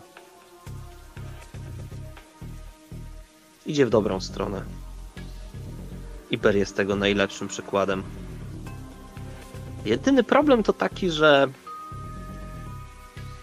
nie mogą się rozmnażać. Ciągle mają swoje ograniczenia. Mam wrażenie, że na moje szczęście nie dożyję serii dziesiątej, jedenastej. Bo wtedy może się okazać, że byłbym zbędny.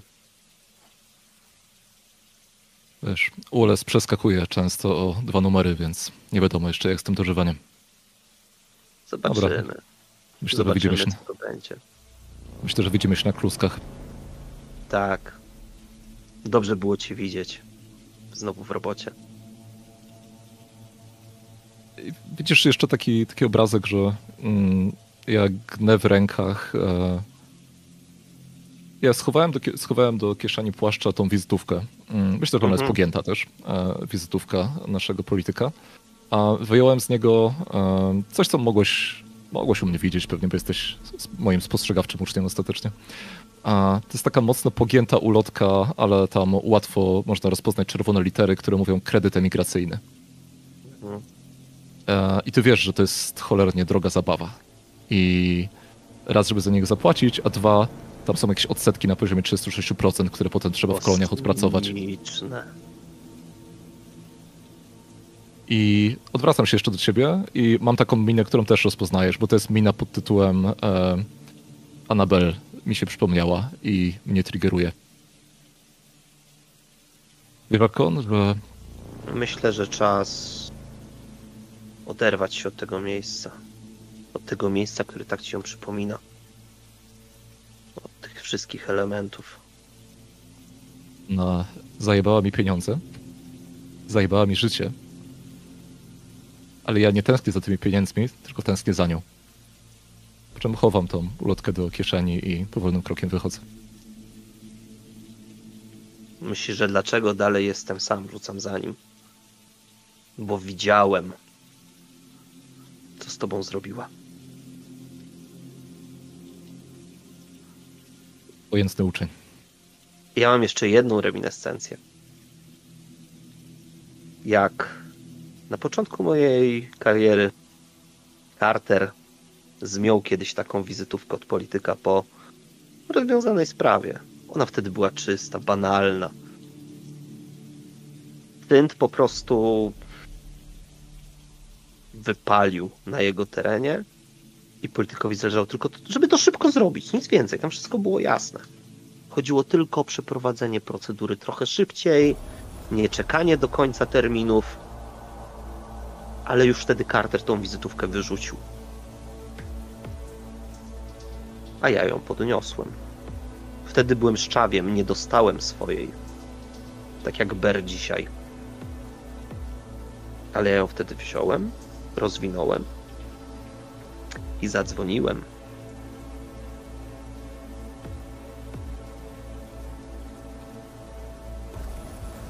Kiedy już lecimy z Berem, em, to ja wyjmuję tą gazetę, tak zupełnie z czapy. E, Widzisz, że po prostu wiesz, wyjmuję i zaczynam, zaczynam czytać. Mm. I tak po, po kilku chwilach zaczynam cytować jakiś artykuł. To jest wywiad z człowiekiem ci znanym, cóż, wszystkim znanym, N- Najenderem Wallace'em. Pozwól, że przy, przeczytam ci jeden, jedną rzecz. Oczywiście, mamy czas. Dlatego właśnie tworzę replikantów. To moi aniołowie. Obejmą was i uniosą, skoro sami nie chcecie wzlecieć. Jak się czujesz jako anioł, Ber?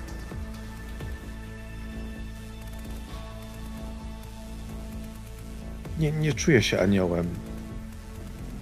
Myślę, że to z, z, z, zbyt górnolotne. Jak na mój gust, panie Carter. Takie mam wrażenie. Ja jestem tylko funkcjonariuszem, który ma spełniać swoją rolę i pilnować i pilnować bezpieczeństwa każdego człowieka zmieszkającego to miasto. Być może jest w tym jakaś poetyka. Powiedz mi, jak tak patrzysz na te wszystkie neony, drony wyświetlające projekcyjne reklamy, to wszystko, co nas tutaj atakuje. Ja, Arkon, my się mieliśmy, my mieliśmy lata, żeby się do tego przyzwyczaić. Ale czy w twoim przypadku, jak, jak ci się udaje nie oszaleć w tym wszystkim? Nie będę cię pytał, jakie są twoje spersonaliz- spersonalizowane reklamy, bo gówno mnie to obchodzi. Albo inaczej, gówno mnie to powinno interesować. Ale... jest, jest zdanie, którego nie kończę, nie? Natomiast jest coś takiego ewidentnie pod tytułem, co myślę, że możesz odczytać intuicyjnie. Ber, powiedz mi coś, od czego mi się zrobi lepiej.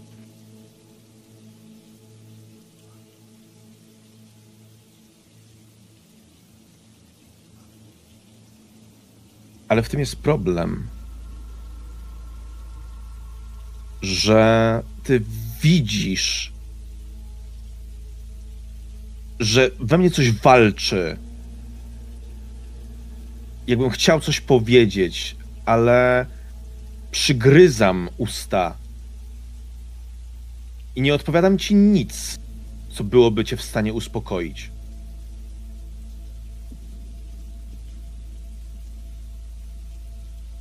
Patruję się tylko w okno, na którym pracują wycieraczki, I odpowiada ci milczenie.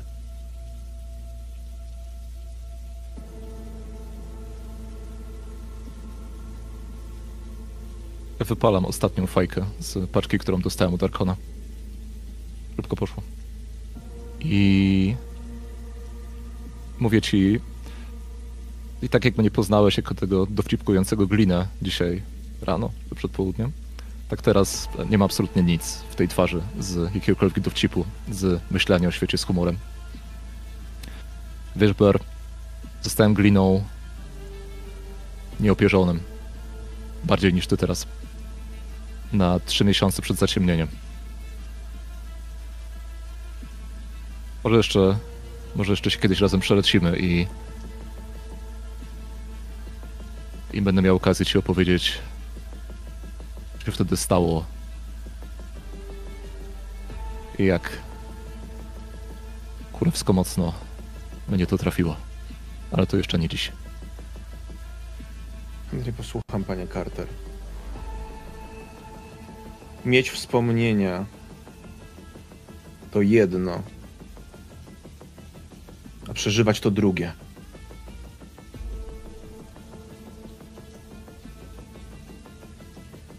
I ponownie odpowiada ci milczenie.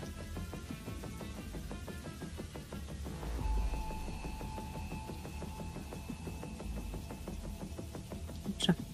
Zostawimy was w tych samochodzie na chwilę. W spinarze. Powiedz mi, drogi Albercie, co stało się dalej z firmą? Wszystko ciągnęło się jak należy? Czy miałeś Tak, jakieś komplikacje z tym związane? nie, myślę, że wiesz co, że możemy przejść do sytuacji, która jest konferencją prasową, gdzie Albert w nienagannym garniturze, z nienaganną fryzurą, uśmiechem, tym samym, który najlepiej wypada według ankiet, uśmiechem, za którym niewidoczne są te wszystkie sytuacje. To, ile musiał wydać pieniędzy, żeby zatuszować sprawę, żeby jego syn nie pociągnął go za sobą, żeby temu synowi pozwolić żyć w jakiś sposób i znaleźć mu takie miejsce, gdzie będę go miał jeszcze bardziej na oku. Gdzie będę miał nad nim stróża, który teraz na pewno nie pozwoli mu. Wreszcie wszystkie wydatki, które wiązały się z dojechaniem tego skorpiona i upewnieniem się, żeby, żeby więcej nie pojawił mi się na radarze. Ale teraz? Teraz na konferencji widzimy mój uśmiech. Szanowni Państwo, pytacie mnie o to. Nie, nie czuję się aniołem. Myślę, że to zbyt górnolotne. Ten sprzęt, ta cała dotacja dla policji naszego miasta to zwykły wyraz obywatelskiej troski. Tego, że tak, tak jak państwo, tak jak każdy z nas, ja po prostu chcę pomóc. Pomóc pilnować bezpieczeństwa każdego człowieka zamieszkującego to miasto. Jest w tym pewna piękna poetyka. Służyć i chronić. Drodzy Państwo, te brawa nie są dla mnie. One są dla funkcjonariuszy, którzy właśnie o nas dbają. Rozlegają się oklaski. Wielu, wielu osób, które zebrały się na tej konferencji, naturalnie będą podchodzić z pytaniami, przepychać się jedno przez drugich. Jesteś wyświetlony na wielu monitorach. I myślę, że wszystko idzie zgodnie z planem, bo przecież zapłaciłeś za to, żeby tak właśnie szło. A z zewnątrz wygląda to jak zupełnie naturalne i bardzo ładne danie przedstawienia oraz jakże miły gest w kierunku policji. Myślę, że tą konferencję, to nagranie będziemy mogli zobaczyć w pewnym barze, kiedy już trójka policjantów po służbie siedzi nad, no właśnie nad czym? Alkoholem? Kluskami? Najpierw kluski, potem alkohol, alkohol jednak. No to widzicie, jak wyświetla się. Atakuje was wręcz tą mową, która leci gdzieś w tyle, niezagłuszana zbytnio przez ten szum, który mamy w tej knajpie.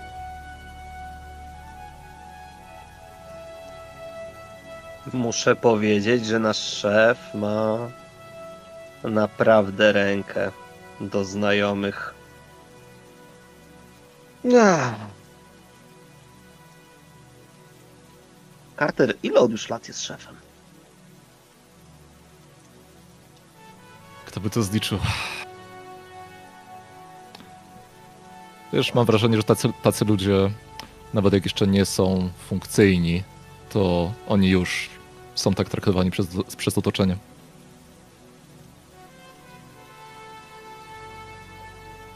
Tak.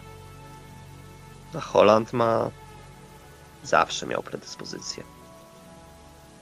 Matko, jak on osiągał taką skuteczność w testach? To było niesamowite. Ma prawie stuprocentową skuteczność, wiesz? To statystycznie jest prawie Niemożliwe. niemożliwe. Tak, Ber. To jest niemożliwe. Można powiedzieć, że nadludzkie albo wręcz nieludzkie.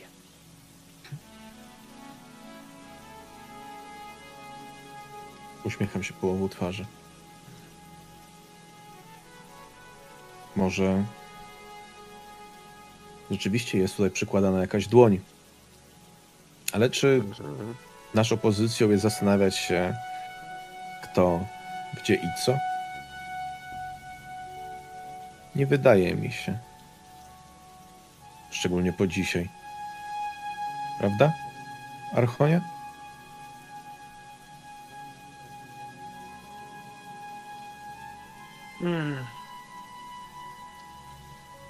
Carter. Powiedz mi, ile się zmieniło w czasie Twojej służby? Czy coś się zmieniło? Wiesz, jakby odpowiedzieli na to jacyś filozofowie, że wszystko się zmieniło, nic się nie zmieniło.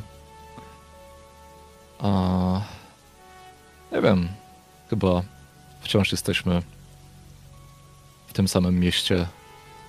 Nie, przepraszam, właściwie nie, w, w miastach, bo, bo my jesteśmy poniżej setnego piętra, a ten anioł, z którym nas zetknął los ostatnio w postaci pana Sokołowa, oj, on jest dużo powyżej.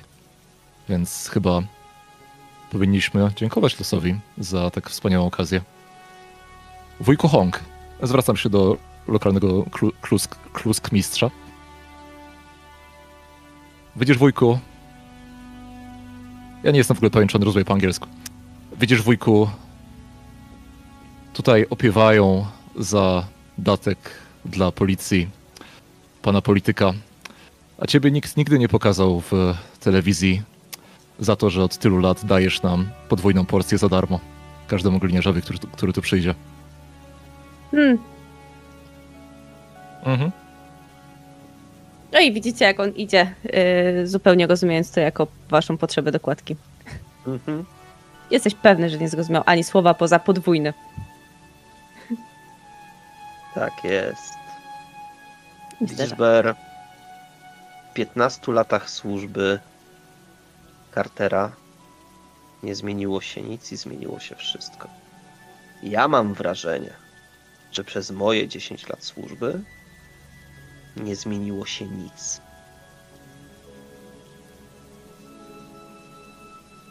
Nie wiem, czy widzisz, ale dla ciebie w takim wypadku pozostaje ta trzecia opcja.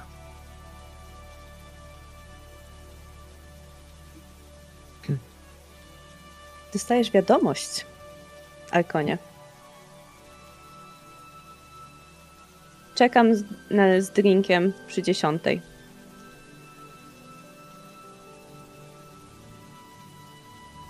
Chyba nierozważne. Nie było wystarczającym zakończeniem.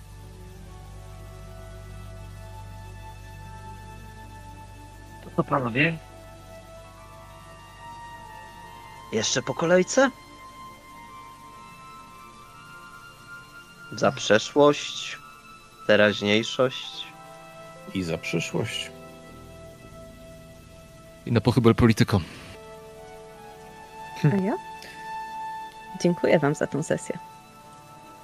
Na pochybel wam. Dzięki. Na pochybel nam. Dzięki. Dziękuję bardzo.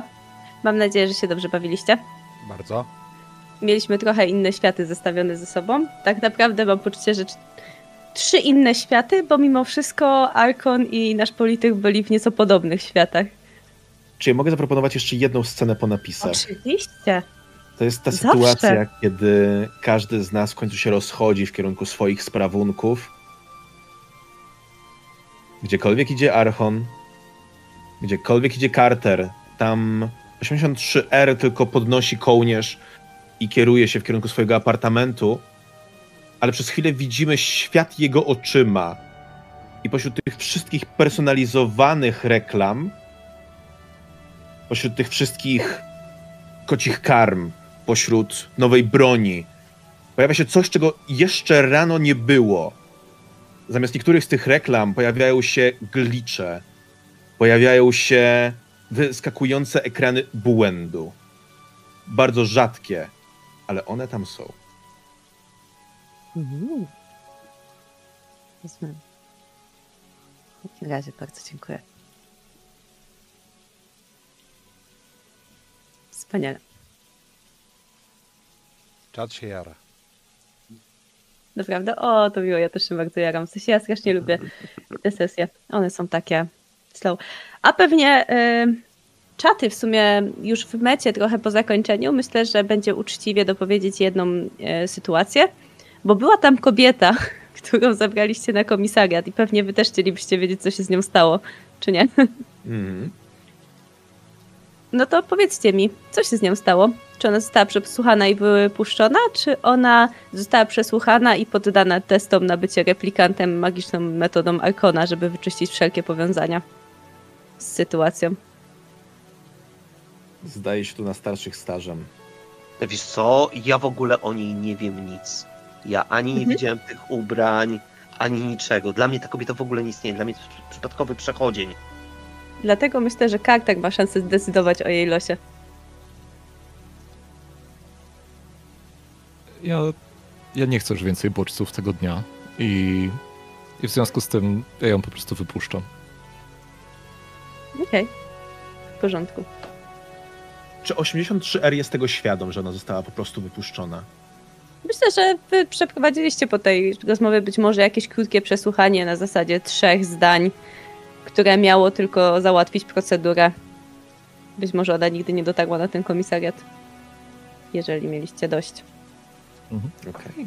Myślę, że tak Myślę, się że stało. tak się właśnie stało.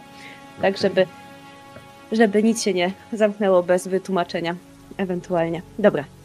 To już był taki komentarz po sesji trochę, ale żebyśmy mieli jasność dla wszystkich. Wspaniale. Wspaniale. Ja wam bardzo dziękuję. E, Totalnie lubię te postacie, totalnie lubię ten soundtrack i totalnie lubię tę sytuację. Ja Sokolowa nie znoszę. Ja idę zaraz pod prysznic po, po graniu tym gościem. Ja, ja, go, ja go kocham nienawidzić. Znaczy, bardzo przyjemnie się go grało, ale... U, jak, jaki ten, jak, jaka gnida. Mhm. Są szuje. Mhm. Oj, są szuje. Ja też zaraz zdejmuję tą kurtkę. Ach, wpadły. Wiecie się dni po tych sytuacjach. Czy ja mam sobie coś do ogóle- zarzucenia? Nie! Znaczy, Wspaniale. co ja, ja mam sobie do zarzucenia, to to, że e, jakby ja bardzo lubię tę postać mojego Bera, ale on jest dla mnie bardzo nieintuicyjny do grania. To jest dla mnie bardzo dziwne doświadczenie, bo jakby założeniem jest to, że ta postać dużo zachowuje w sobie i stara się jak najmniej po sobie poznać, a to i sprawia, że wchodzenie w interakcję jest bardzo trudne. Wiesz, ale to jest bardzo dobrze, bo, bo Ber jako postać, on jest nieintuicyjny, nie? Więc jeżeli Mhm. ty go tak odczuwasz, no to z punktu widzenia aktorskiego super, no. Dziękuję. Ale mówię, bar- bardzo mi się do- dobrze nim gra, ale dziwnie. Nie, dla mnie granie z Sokolowem było takie, że cały czas po prostu myślenie na zasadzie, poczekaj, co bym, co ja myślę, że powinienem zrobić i jak inni Na to czym odbiorą. najwięcej zarobię? E, Znaczy nawet nie To to, nawet nie to, Myślenie. nawet nie co... Nie, mojego. A, Dimi- Dimitrescu, no tak. Bo, bo tutaj ja miałem bardziej takie, no ja, ja normalnie jestem ekspresywny, u mnie jakby w mojej gębie można czytać jak w książce zazwyczaj, nie? A tutaj musi być piękny uśmiech. Chociaż przyznam, że były sceny, gdzie można było czytać jak z książki na zasadzie zatłukę gówniarza, popełnił błąd duży. Boże, nie mów do mnie więcej, mów do ręki. Tak. Nie mów do mnie dzisiaj. Słuchajcie, to jest naprawdę dobra sesja, jeżeli po sesji potrzebujemy takiego rozładowania emocji. Mhm. Albert Sokolow Mm. Junior będzie gdzieś dla mnie kandydatem do NPC-a miesiąca, no, niewątpliwie. On, on jeszcze zostanie burmistrzem. Jestem na to za stary, ale robisz od tygodnia. Wiem. Nie, nie będę na niego głosował, nie? Ja myślę, że w momencie, kiedy on się Będę pojawi Al- w wyborach, będę- Albert już będzie na koloniach, nie? Jakby już będzie siedział w tym locie zapięty pasami z drinkiem w ręku. Obok Ketera. Niech płonie. No to wtedy Archon naprawdę mógłby zostać Archonem tego miasta. Totalnie tak. Ła, dobra, czaty. Zostawcie nam komentarze na YouTubie, totalnie, jak wam się podobało. Jak sądzicie, kto tu jest najbardziej ludzki z naszych postaci? No i co? Ym, I będziemy was lecieć, zostawiać. Dziękujemy wam ślicznie, że byliście. No i zobaczymy się na kolejnym jednostrzale z y, Blade Runnera, a jeszcze wcześniej na pozostałych sesjach, które odbywają się u, nas ostatnio codziennie, także macie co oglądać. Jutro wjeżdża nowa No gra o Tron i to będzie nagranie na YouTubie. I ta sesja jest mega fajna i udało mi się za nie mówić Pattisona, więc, yy, więc wpadajcie. Totalnie. Ja w ogóle totalnie czekam na tą sesję strasznie. Oj tak. Nara. Bye. Dzięki. Dobra.